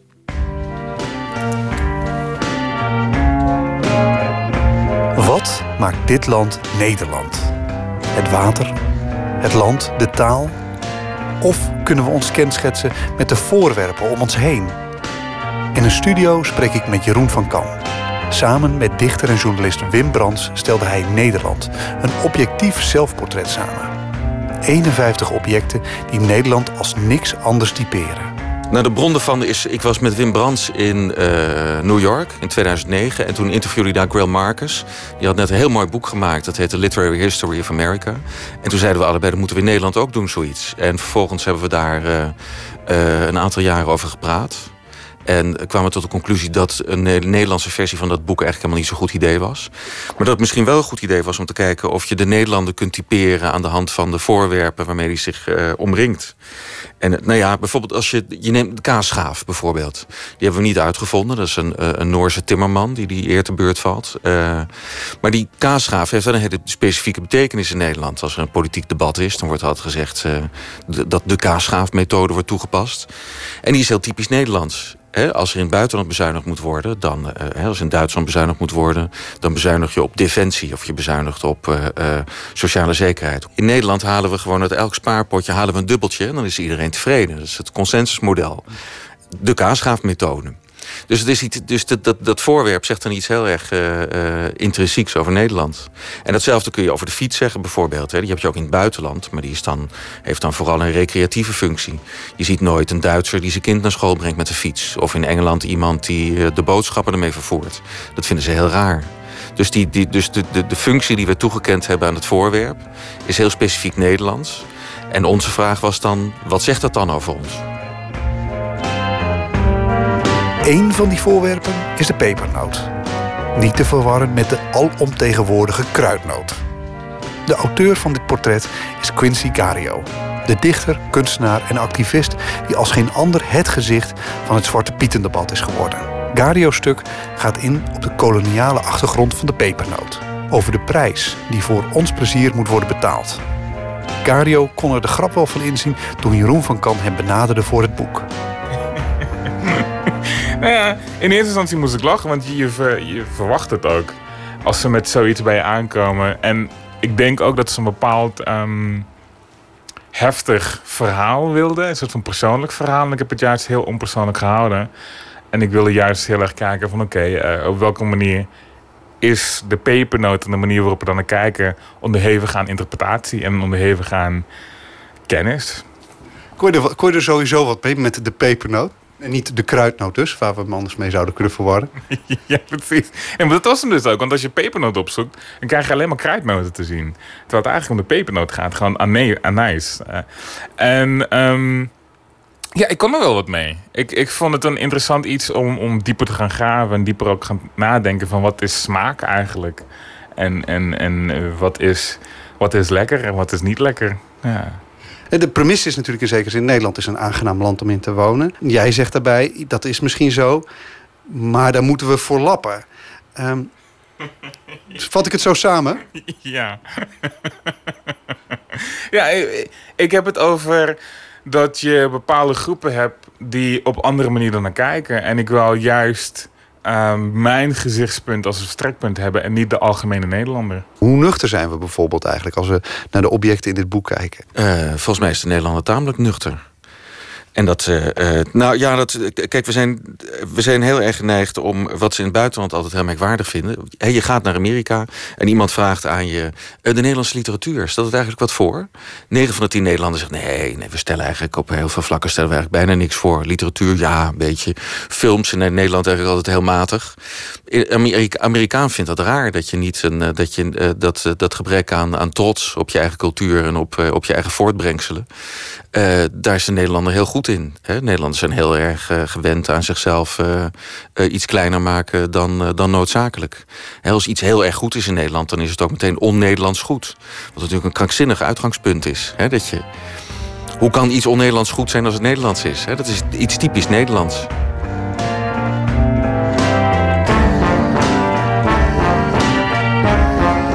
Ik wou juist kijken naar die zelfreflectie. Ik wou juist kijken naar. We zien onszelf altijd als het beste dat er is. En in die schakering van wat nou, welke verschillende groepen er in Nederland zijn. En of je nou eigenlijk bij een groep hoort of niet. En hoe dat nou precies zit. Um, waar ik ook een beetje mee spelen. We, leven in een geïndividualiseerde samenleving en denken dat het altijd zo is.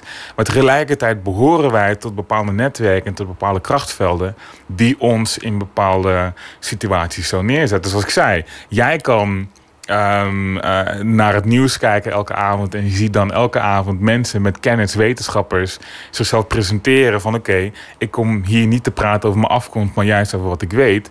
En als ik dat doe, e- dan zie je iemand eh, vanuit Curaçao of, of Surinaams of, of Surinaams-Nederlands of Molukkers of, of van alles en nog wat. Dan zie je mensen daar komen ze gevraagd worden om vanuit hun eigen ervaring te praten in plaats van vanuit de kennis die ze hebben. En juist dat moeten we breken, die mythe moeten we breken, dat kennis wit betekent. Nee, dat is niet zo. Mensen kunnen het niet horen, maar ik ga het gewoon verklappen. Eh, Ik ben blank. Ik ben eh, 17 generaties Noord-Nederlands. Dus dat is het meest beige blank dat ertussen zit. Maar leven wij in twee verschillende Nederlanden, jij en ik?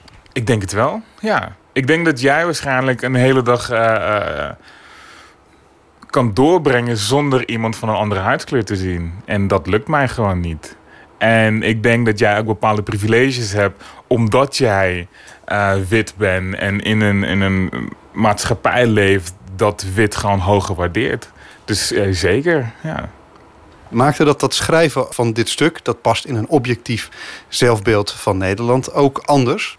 Ja, ja. Ja, in de zin van ik wou mijn ik wou het hele idee van wat objectief nou eigenlijk betekent ook gewoon ter discussie stellen. Um, in het stuk dan, dan benader ik ook de papernotes vanuit de feiten die we dan lezen, die we dan kennen. En tegelijkertijd ook met de feiten die we dan um, in eerste instantie niet zozeer zien. Als je de papernote gaat zoeken op Google bijvoorbeeld, bij de afbeeldingen, die negen van de eerste tien afbeeldingen zijn krijtnoten dat, dat zegt al iets. Dat zegt over iets over hoe de pepernoot eigenlijk is, is veranderd. En, en hoe wij kennis door blijven geven op een foutieve manier. Hoe is het eigenlijk om, um, nou waarschijnlijk voor de komende tien jaar vastgeklonken te zitten aan een kinderfeest?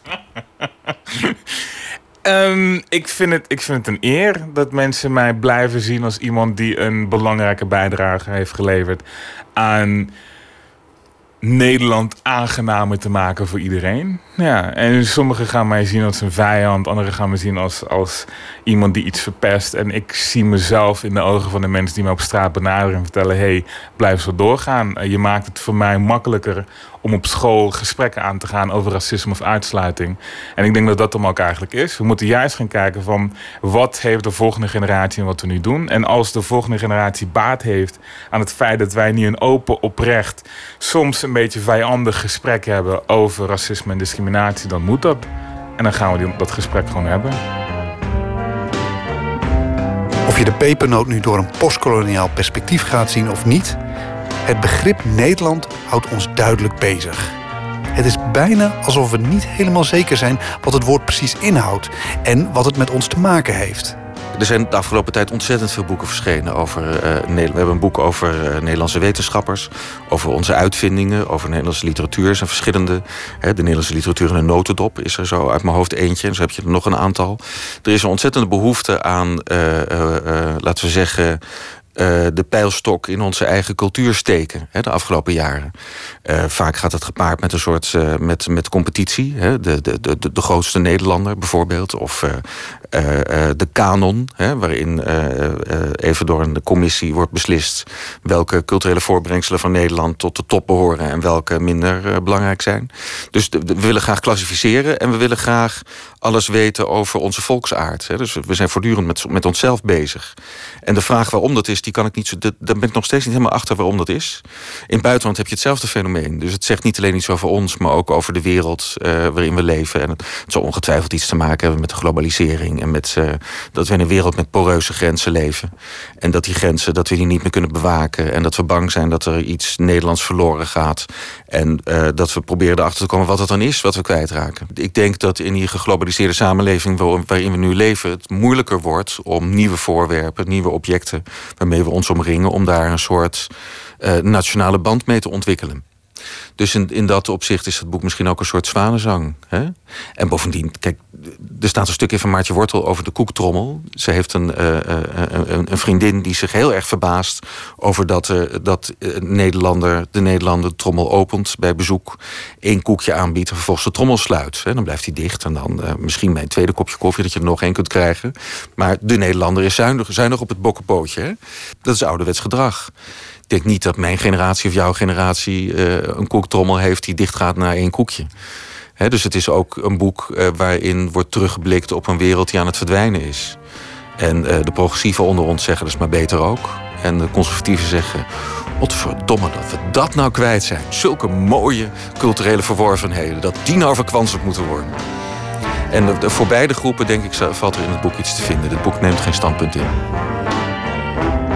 Hou je eigenlijk van strooigoed? Ik vind het wel lekker, ja. ja. Iedereen toch? Snoep. Wie houdt nou niet van snoep?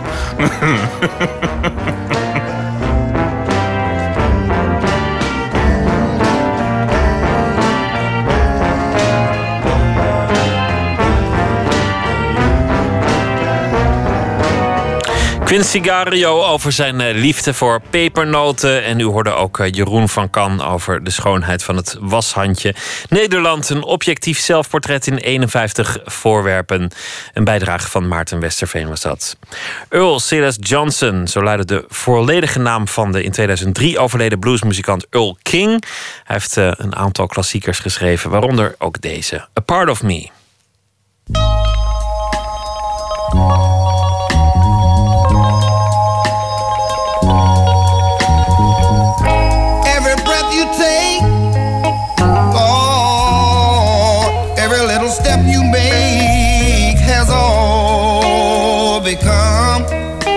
Part of me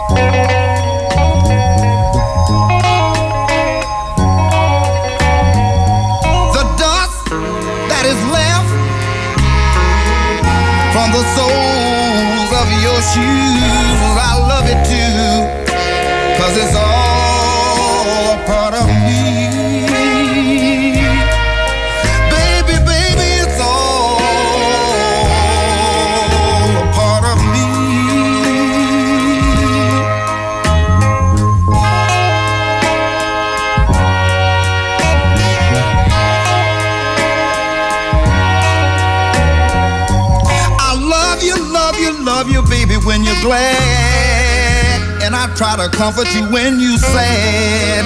Cause you all, you all are part of me.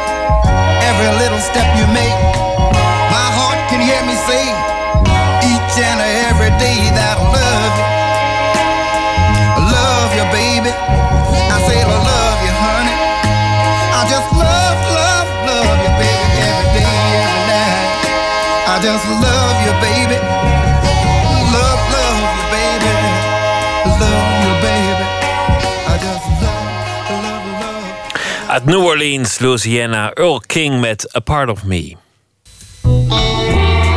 Nooit meer slapen. Na de eerste golf, de tweede golf en de derde golf is er dan nu het Feminisme 4.0. Cultureel Centrum De Bali organiseerde een hele avond rond het nieuwe feminisme met vele sprekers. Naomi Wolf was er, eh Elke Beumer, eh, Gustav Peek, Sunny Bergman en vele andere nieuwe golf-feministen. Floortje Smit, nachtcorrespondent. Goedenavond, eh, Floortje. Goedenavond. Waarom is het een eh, nieuwe vorm? Wat is er zo eh, 4.0 aan dit feminisme? Nou ja, dat vroeg ik me dus ook af. Want ik was een klein beetje blijven hangen bij de derde golf van het feminisme. Daar was ik ook nog niet helemaal over uit wat dat nou precies was. Kijk, elke, elke generatie krijgt volgens mij een eigen soort feministische golf. En volgens mij wordt het dus ook steeds vager wat dan precies het belangrijkste punt is. Dus de eerste golf, dat was rondom het kiesrecht, best simpel.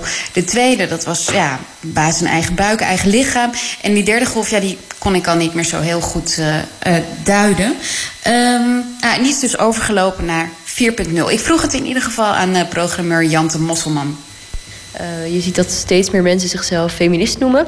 En ik denk dat het heel goed is als we gaan kijken wat dat feminisme nu precies is en op welke manieren dat allemaal ingevuld kan worden en wat daar de consequenties van zijn. Ja. En ze bedoelt dan dus vooral vrouwen als Beyoncé, als eh, televisiemaakster Lina Dunham, eh, journaliste Caitlin Moran. En het zijn eigenlijk allemaal vrouwen die zich ja, gewoon heel trots en uitgesproken feminisme, feministen noemen. En ik zie 4.0 heel erg als een feminisme waarin lichamelijkheid heel erg eh, centraal staat, eigenlijk weer. Dus het gaat heel erg over het eh, terugclaimen van het lichaam. En dat lichaam wordt dan vaak ook heel ja, eh, stereotyp vrouwelijk gepositioneerd. En het derde feministische gevolg, ja, dat was. Voor mij ging dat toch nog meer over het glazen plafond en gelijke rechten. Dus eh, feminisme 4.0 gaat niet meer over de carrière en het glazen plafond of de zorgtaken. Het gaat nu over het lichaam. Ja, dat vindt Jante in ieder geval wel. En wat zij zich eigenlijk heel erg afvroeg in dit programma... is of dat niet een beetje dunnetjes is. Hè? Of botox nou wel of niet feministisch is. Of bikinis. Of... Zorgt dat er eigenlijk niet voor dat er veel te weinig is... voor wezenlijk interessante feministische onderwerpen... zoals inderdaad het glazen plafond... of inkomensongelijkheid... of de gelijke verdeling van zorg. Ehm, Ja, een hele avond rond het thema. Wie waren de sprekers en wat werd er zo al besproken? Nou Naomi, Naomi Wolf was een van die, eh, van die sprekers. Ehm, zij is een van de belangrijkste derde generatie feministen. Zij schreef het boek The Beauty Myth. En dat gaat over het schoonheidsideaal dat vrouwen eigenlijk wordt opgelegd. Om het even heel kort door de bocht een heel boek samen te vatten. En ehm, zij vertelde dan tijdens deze bijeenkomst vooral over haar meest recente boek, Vagina. Wat dan weer gaat over eh, de mythes rondom de vrouwelijke lustbeleving. Nou, in ieder geval, wat zij zei tegen mij vooraf is dat je er als feminisme, feministen eigenlijk niet aan ontkomt om het te hebben over het lichaam. En dus ook deze hele generatie 4.0 niet. every wave of feminism has had to talk about the body because the you know women's body as a battle site hasn't been abandoned by the other side. You know, we're still being raped, we're still being trafficked, we're still being objectified in different ways all the time. And I'm not blaming Dibali. I think they did an amazing job, you know, promoting this, gathering people. It's very exciting. But the cultural default in every country I've ever been to is is there something wrong with feminism? You know, the fact is, we're in a renaissance for feminism right now, where there's more nuanced, exciting, poly voice discussion around women, their bodies, their issues, global, globalization. It's not a stupid conversation anymore. It's very, very rich. So I'm just interested that in 30 years now in the global media, I've almost never seen the proper headline for an event like this or an event like any, which is feminism triumphs or you know a new generation does feminism in a smart way or new brilliant insights about women and the body and women in politics it's always presented as a problem Het is altijd een probleem, altijd een negatieve invalshoek. Eh, dat is eigenlijk het verwijt aan het eh, oude feminisme. En dat terwijl het eigenlijk Nou, heel nou, goed aan- gaat, ja. Maar wat dan? Ja, nou, het is eigenlijk een, een verwijt aan de Bali en ook aan de pers... die eigenlijk altijd alles een beetje problematiseren hè, rondom het feminisme. Terwijl zij inderdaad zegt, het gaat hartstikke goed. Waarom zegt nou niemand, het gaat fantastisch? Hè? Eh, We luisteren naar al deze hele groep met jonge, nieuwe stemmen. Want zij is dus echt ontzettend enthousiast over die, eh, die jonge twintigers en dertigers. En dat zag je ook tijdens die bijeenkomst in de Bali. Ze zei echt dat ze ze een beetje zag als haar dochters. En, eh, en eerder zei ze ook al tegen mij... Van, het maakt er niet uit wie zichzelf feministe noemt. Hoe meer, hoe beter. good thing because here's why. I lived through many cycles since I was a baby feminist uh, with my first book of mostly the world saying and the media saying, ugh, feminism, it's over. All the battles have been won. Why do you need a word for it? I like equal rights, but I'm not a feminist. The famous phrase in the 80s and 90s was, I'm not a feminist, but I'm not a feminist, but I don't want to be raped. I like equal pay. I want representation. And this drove feminists crazy because it was frustrating to see women benefiting from all the advances of feminism, but not aligning themselves with it. There were good reasons that many women didn't align themselves and men, um, and I addressed that over the years, as did many other feminists. But I think it's great because as long as we're not dictating what feminism is, it's great to have a word that signals a position, a problem, and a battle because then you don't have to keep talking and talking about what is it, what is it, what is it. It just means, okay, you care about the equality of women. Let's go on with hearing about what that means to you. Ze is heel positief. Je, je ziet dat ook wel. Hè? Heel veel mensen die zich afficheren als feminist... en dat het ook een andere toon heeft gekregen. Wat minder op slachtofferschap en wat, wat minder eh, op chagrijn georiënteerd. Ehm, Leuke en dat- vrouwen ook. Ja, dat bedoel ik. Gewoon een hele grote groep leuke, vrolijke vrouwen die, eh, ja, eh, die zich niet laten eh, vertellen hoe ze eruit moeten zien of wat ze moeten doen of hoe ze zich moeten gedragen. En, dat, ja, en, en rolmodellen echt voor, voor heel veel jonge vrouwen, denk ik. Maar hoe was het in de Bali? Was er dan toch nog een beetje chagrijn? Werd er dan toch uiteindelijk aan het eind eh, ehm, naar de, de grote boze man gewezen? Of, of was het een vrolijke, hippe 4.0 gelegenheid? Ja, nee, het is natuurlijk wel een debat. Dus het was niet, de, de man kreeg niet de schuld, dat moet ik wel eerlijk zeggen. Ehm, er kwam echt een, een enorme hoeveelheid aan onderwerpen over tafel in, eh, nou, pak een beet, twee uur. En dan heb ik het echt over pornografie. Eh Sunny Bergman had haar punten natuurlijk over hoe je eruit moet zien. Black feminism kwam langs. En er kwam onderling natuurlijk weer een discussie op gang of blanke feministes eigenlijk wel iets over Beyoncé mogen zeggen, omdat ras ook weer een rol speelt bij haar manier van representatie. En of transgenders eigenlijk ook niet binnen dit nieuwe feminisme zouden moeten passen. En, en uh, of zij dan niet vreselijk nu buiten de boot vallen, nu er alleen wordt gepraat over vrouwelijke en mannelijke seksualiteit. Ja, het is. Toch worden weer die verschillen benadrukt hè, tussen, tussen al die mensen onderling. Net als met die wel of niet botox of wel of niet sexy kleding. Dus ja, het, het was nog niet helemaal een, de geboorte van een nieuwe beweging, denk ik. Met het risico dat deze nieuwe beweging onderling discussierend uh, zichzelf irrelevant maakt, uiteindelijk. Ja, dat is niet de bedoeling natuurlijk. Het is, Nee. het is wel de bedoeling. Maar het is ook een beetje het deel van het probleem. Hè? Want in de, in de tijd van mijn oma, die kreeg gewoon minder rechten en minder betaald. En moest haar baan opgeven zodra een mannelijke kandidaat werd gevonden. Dus dat waren hele concrete wettelijke punten waar je voor kon strijden. En tegenwoordig zijn die, die agendapunten minder concreet. En, en daardoor is het ook, ook vaak moeilijk om eh, kop en staart te zien aan, aan het feminisme. Ja, maar persoonlijk denk ik wel dat er gewoon een aantal agendapunten zijn waar je, waar je het wel over eens kunt zijn. Namelijk dat glazen plafond moet gewoon aangepakt worden. Gelijk, gelijkwaardige betaling is toch niet een heel, heel gek, gek iets, denk ik. Daar Nee, kan nee. iedereen het toch over eens zijn. Daar ben ik het ook over eens. Alleen ik, ik signaleer dat, dat heel vaak dit soort feministische avonden. Ik geef toe dat ik er niet altijd bij ben, maar ik lees het verslag in de krant. toch een beetje in gekibbel uiteenvallen. Ja, nou, dat is dus heel jammer. Want ik denk dus echt als je je gaat richten inderdaad op die punten waar je het wel over eens bent. En voor de rest zegt, hè, net als het maakt me niet uit of je wel of niet botox gebruikt. Het maakt me, wel, het maakt me niet uit of je wel of niet transgender bent. Of, of je wel of niet in dat hokje voelt passen.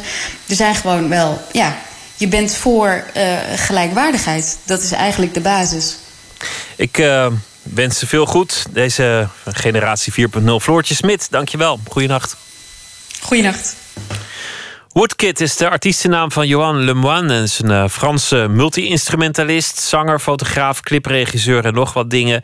Heeft ook eh, clips gemaakt voor eh, Moby, Lana Del Rey, Katy Perry. En natuurlijk ook voor zichzelf. We gaan luisteren naar een liedje van Woodkid. I Love You.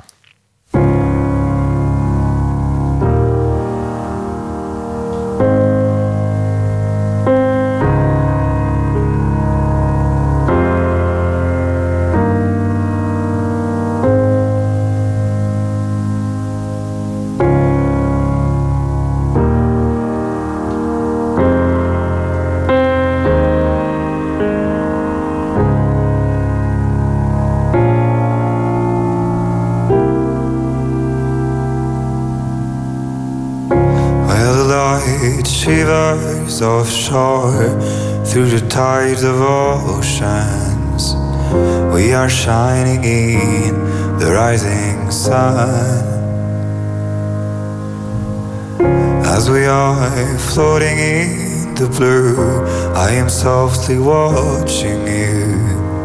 Oh boy, your eyes betray what burns inside you.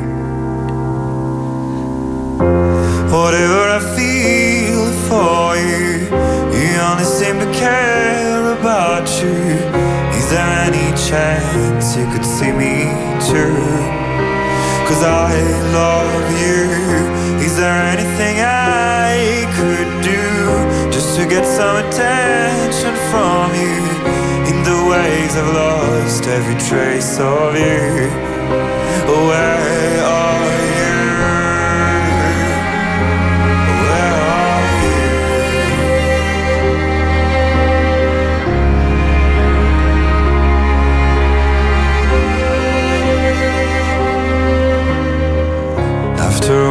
drifted ashore through the streams of oceans.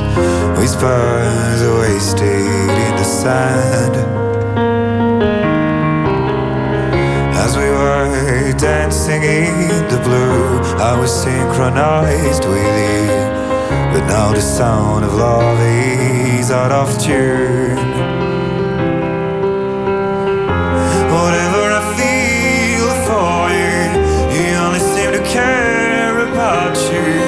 Is there any chance you could see me through? Cause I love you. Is there anything I could do just to get some attention from you? In the ways I've lost every trace of you. Where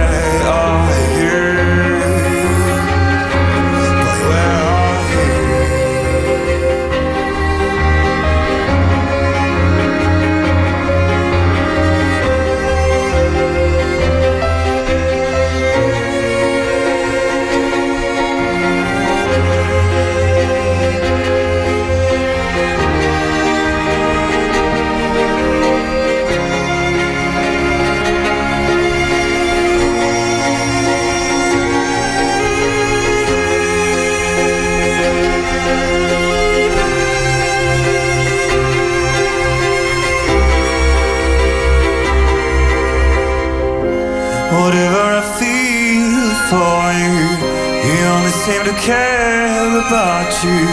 Is there any chance you could see me too? Cause I love you. Is there anything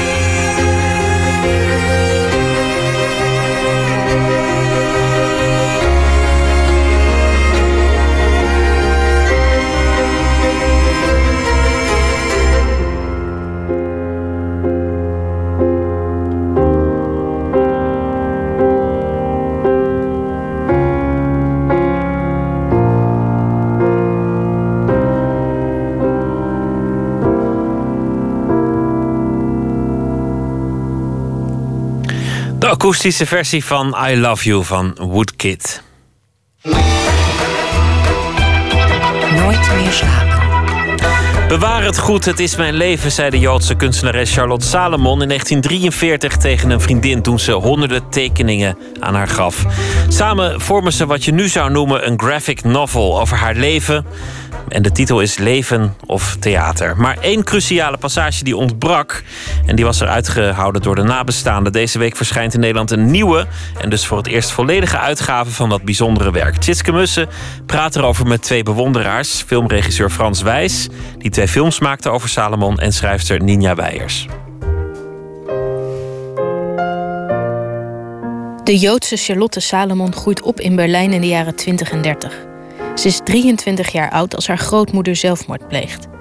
Pas dan hoort ze dat ook haar eigen moeder 14 jaar daarvoor niet gestorven is aan de griep, maar de hand aan zichzelf sloeg. Net als haar tante. Dan schrijft ze letterlijk zelf: Ik had de keuze mezelf het leven te nemen of iets buitengewoons te ondernemen. En ik denk dat buitengewone, dat is, nou ja, dat, dit, dit ligt nu voor ons. Dit is Frans Wijs, filmregisseur. Voor ons ligt Leven of Theater. Een bijna duizend pagina's stellend boek met gouaches die Charlotte Salomon maakte. Samen vormen ze een soort storyboard van haar leven en familiegeschiedenis. Inclusief dialogen en aanwijzingen voor muziek.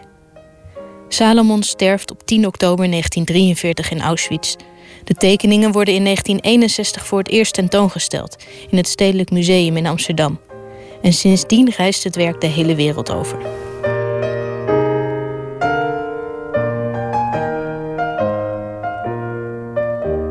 De allereerste keer dat ik over haar hoorde was 1972. Er is op dat moment een tentoonstelling van het werk van Salomon in Amsterdam.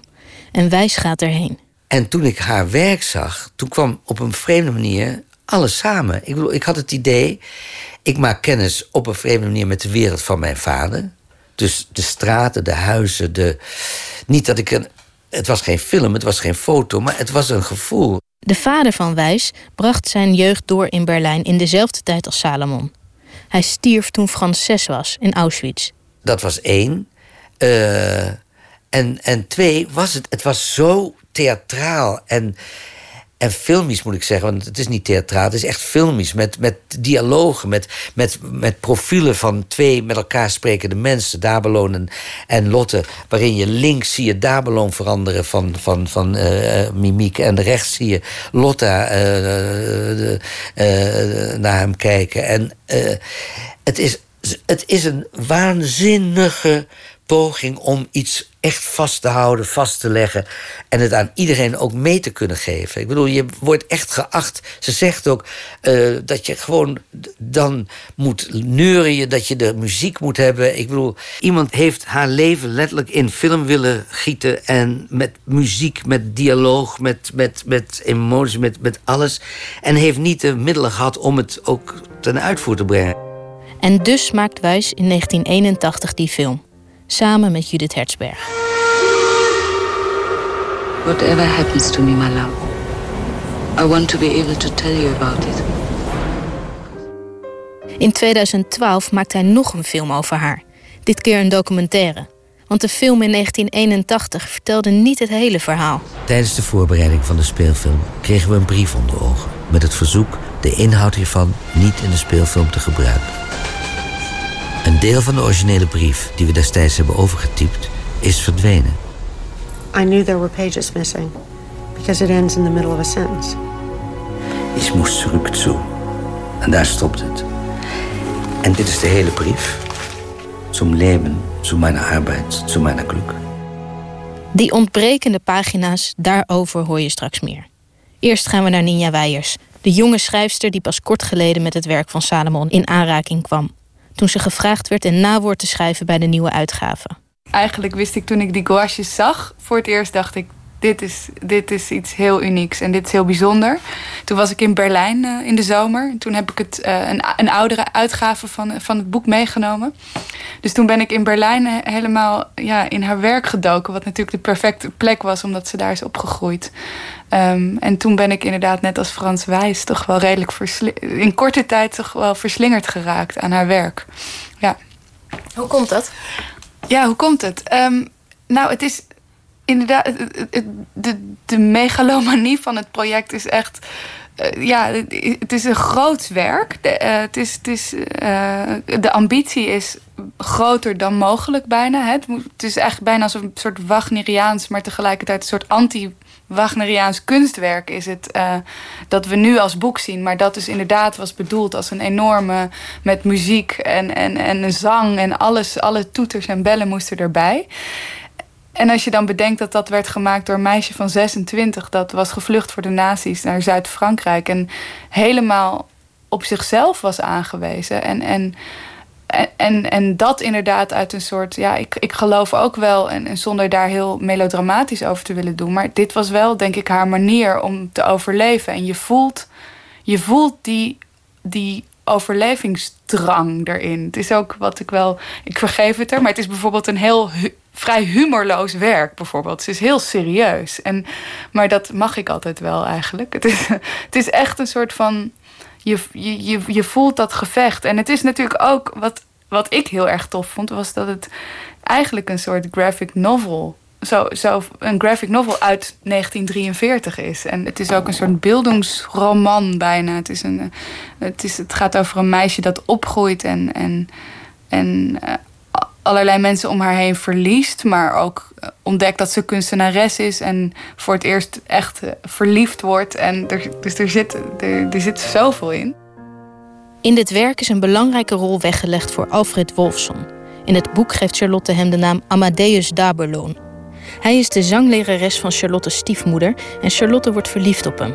Ze krijgen een relatie, maar Daberloon houdt er ook nog andere relaties op na ik lees dat en ik denk als vrouw van de 21ste eeuw, wat een waardeloze hond eigenlijk.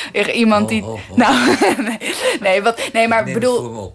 Ja, nee, oké, maar ik, ik, ik bedoel, ik zie wel dat, dat het is gewoon ook een, een soort, ja, een soort player eigenlijk. Hij speelt ook wel de, de, de Paula en, en Charlotte min of meer tegen elkaar uit. Maar dat laat zij allemaal zien. En dat vind ik zo bijzonder eraan. Dat ze dus tegelijk heel erg volgens mij diep van hem houdt en hem adoreert, maar zonder hem te sparen. Zonder hem, niet te sparen, maar zonder hem zou ze volgens mij het nooit. Zou ze het niet hebben gemaakt? Nee, niet hebben. Ze maakt het voor hem. Ze maakt het echt voor hem. Uh, ja. De echte Wolfzoon ook tegen uh, mensen die voor uh, zangles bij hem kwamen, zeiden: Je moet helemaal niet zingen, je moet gaan dromen. En die dromen moet je opschrijven. Dus hij zocht bij iedereen een specifiek talent en probeerde dat aan te steken en, en, en, en, en, letterlijk tot een vlam te maken. De passages die in eerdere edities ontbraken, zijn stukken uit een brief van Charlotte aan Dabeloon. Frans Wijs en Judith Hertzberg kregen die van Charlotte's stiefmoeder te lezen toen ze research deden voor de film. Voordat ze ze te zien kregen, moesten ze wat beloven. Die belofte was om het niet in een speelfilm te gebruiken. En dat hebben we ook niet gedaan. Inmiddels zijn alle nabestaanden van Charlotte Salomon overleden. In 2012 gebruikte Wijs de brief in zijn documentaire. En nu is die brief dus voor het eerst ook afgedrukt in een uitgave van Leven of Theater. Toen mijn grootouders Duitsland verlieten, namen ze het gif morfium, opium, veronaal mee om samen een eind aan hun leven te maken als hun geld op was. Mijn grootmoeder dacht niet aan het gif. Mijn grootvader zou wel uitgekeken hebben te gebruiken. Zelfmoord past niet zoals hij zich uitdrukt bij zijn aard. Ik wist waar het lag. Terwijl ik schrijf, werkt het. Misschien is hij nu al dood. Vergeef me. Er was heel veel kracht voor nodig. En die kracht was het laatste wat over was van de zomer, van het leven en theater. En ik ga er niet licht over doen, maar ik ga er ook niet heel zwaar over doen. Die grootvader was langzamerhand echt niet meer om mee te leven. Er was ook geen keuze meer. Maar, Maar schrok je niet de eerste keer dat je hoorde dat ze dus haar grootvader heeft omgebracht? In ieder geval volgens ja, de brief. als je het zo zegt wel, maar zo heb ik het niet... ge- Maar wat ik, wat ik Ja. eigenlijk wel ook weer opvallend vond aan die brief... is dat hij dus gericht is aan Amadeus Daberloon. Wat natuurlijk een haar fictieve... Ja. Dus hij heette niet zo in het echt. Nee. Dus je Als ze hem had kunt- geschreven aan eh Wolfzoon... Dan, en die heeft nog een zoon die in Parijs woont... dan had ik dit nooit durven doen. Maar het is allemaal nog steeds... hoewel het zes maanden na voltooiing van het leven of theater is geschreven... is het nog steeds voor mij in dezelfde toonsoort. Behalve dat het de enige keer is dat ze in de ik-vorm spreekt. In de eerste persoon. Maar ik dacht, het kan ook nog. eh, het kan toch heel goed fictie zijn, juist omdat ze het als personage eh aanschuift. Eh, toen ik dit las, toen dacht ik eigenlijk vooral... Ze, dit is de enige manier waarop ze het kan opschrijven waarschijnlijk. Om het te, te fictionaliseren. Ik denk niet dat het daardoor fictie is eigenlijk. En wat natuurlijk voor haar was het zo, dat, dat blijkt ook uit die brief... dat eh, die, die, die grootvader was uiteindelijk de personificatie geworden... van alles waar zij eh, tegen vecht door dit boek te maken, denk ik ook. Dat het voor haar... Dus eh, ja, je zou die dood ook nog iets symbolischer kunnen zien misschien. En wij moeten daar nu. Maar ja, ik vind het wel passen in het geheel. Ik vind het niet ongepast of zo dat dat nu hierbij is uitgegeven. Tjitske in gesprek met Frans Wijs en Ninja Weijers over een nieuwe uitgave van Leven of Theater van Charlotte Salomon. En de vertaling van de Franse bestseller Charlotte van de Franse auteur David Founkinos, die is ook eh, verschenen. Een bestseller dus in Frankrijk en nu ook in Nederland. Ray LaMontagne is een eh, Amerikaanse muzikant en we gaan luisteren naar een eh, stuk van zijn derde album Gossip, Gossip in the Grain en het nummer heet Winterbirds. So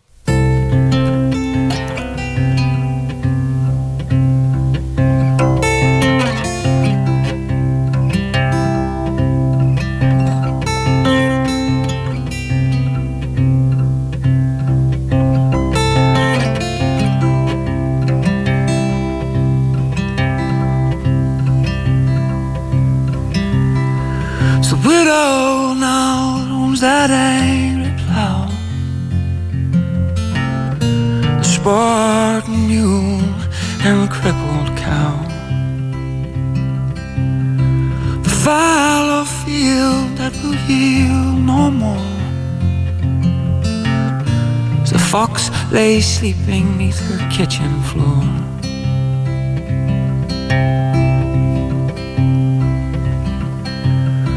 The stream can't contain such the withering rain. From the pasture, the fence it is leaning away. The clouds crack and growl like some great cat on the prowl, crying out, I am, I am,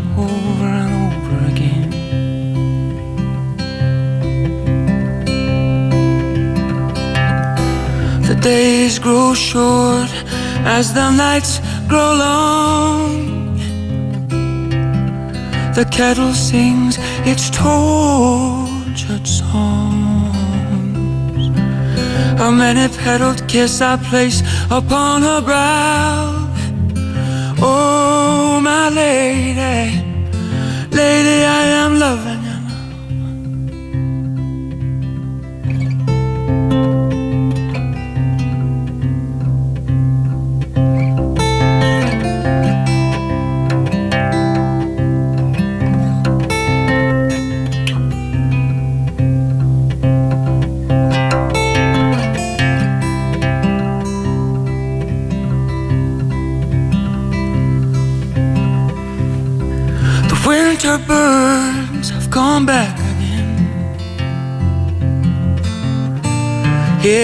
Sprightly chickadee, gone now is the willow wren. In passing, greet each other as if old, old friends. And to the voiceless trees, it is their only will end.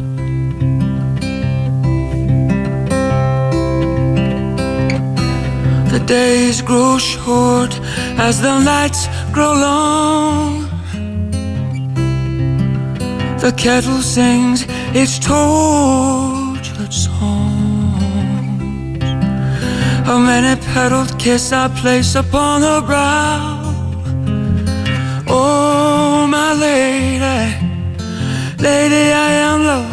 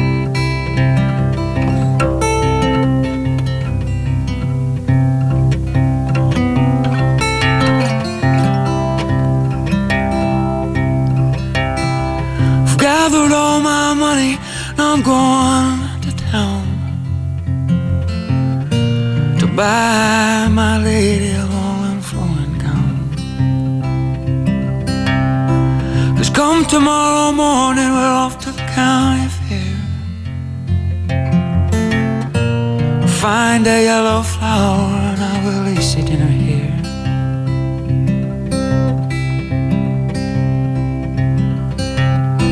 The days grow short as the nights grow long. The kettle sings its tortured songs. A many petaled kiss I place upon her brow. Lady, lady, I am loving you. Oh, my lady, lady, I am loving you now. Uit 2008 Winterbirds van eh, singer-songwriter Ray LaMontagne was dat. Dichter Arjen Duinker zal deze week elke nacht een eh, favoriet gedicht uitkiezen en voordragen. Zelf debuteerde hij in 1988 met zijn bundel Rode Oever. Hij heeft eh, meerdere bundels eh, geschreven. Uit eh, 2009, de laatste met de titel Buurtkinderen. Hij kiest voor een gedicht van de Franse schrijver Raymond Queneau met de titel Logische Analyse.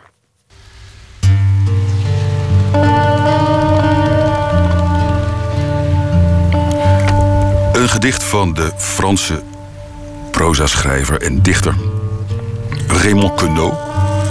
eh, uit het boek Stijloefeningen, vertaald door Rudy Kousbroek. Eh, zoals jullie weten, het betreft hier een- hetzelfde verhaal... een keer of honderd of nog meer op een andere manier verteld. Ik lees logische analyse. Tram. Achterbalkon. Achterbalkon van een tram. Dat is de plaats. 12 uur 's middags. Ongeveer, ongeveer 12 uur 's middags. Dat is de tijd. Trampassagiers. Ruzie. Ruzie tussen trampassagiers. Dat is de handeling. Jonge man. Hoed. Lange magere hals. Een jonge man met een hoed. Met een gevlochten koordje erom. Dat is de hoofdpersoon. Een willekeurig iemand. Een willekeurig iemand, dat is de tweede persoon. Ik. Ik. Ik, dat is de derde persoon. de verteller. Woorden, woorden, woorden, dat is wat gezegd wordt. Vrije plaats, bezette plaats. Een vrije en vervolgens bezette plaats. Dat was het resultaat. Het congresgebouw. Een uur later. Een vriend, een knoop. Andere opgevangen zin. Dat is de conclusie. Logische conclusie. Logische analyse en gedicht van Raymond Queneau... uitgekozen en voorgedragen door Arjen Duinker. Morgen in Nooit meer slapen komt eh, de Antwerpse schrijfster Saskia de Koster langs. Die heeft een nieuwe roman Wat alleen wij heet. Goeienacht en uh, graag tot morgen.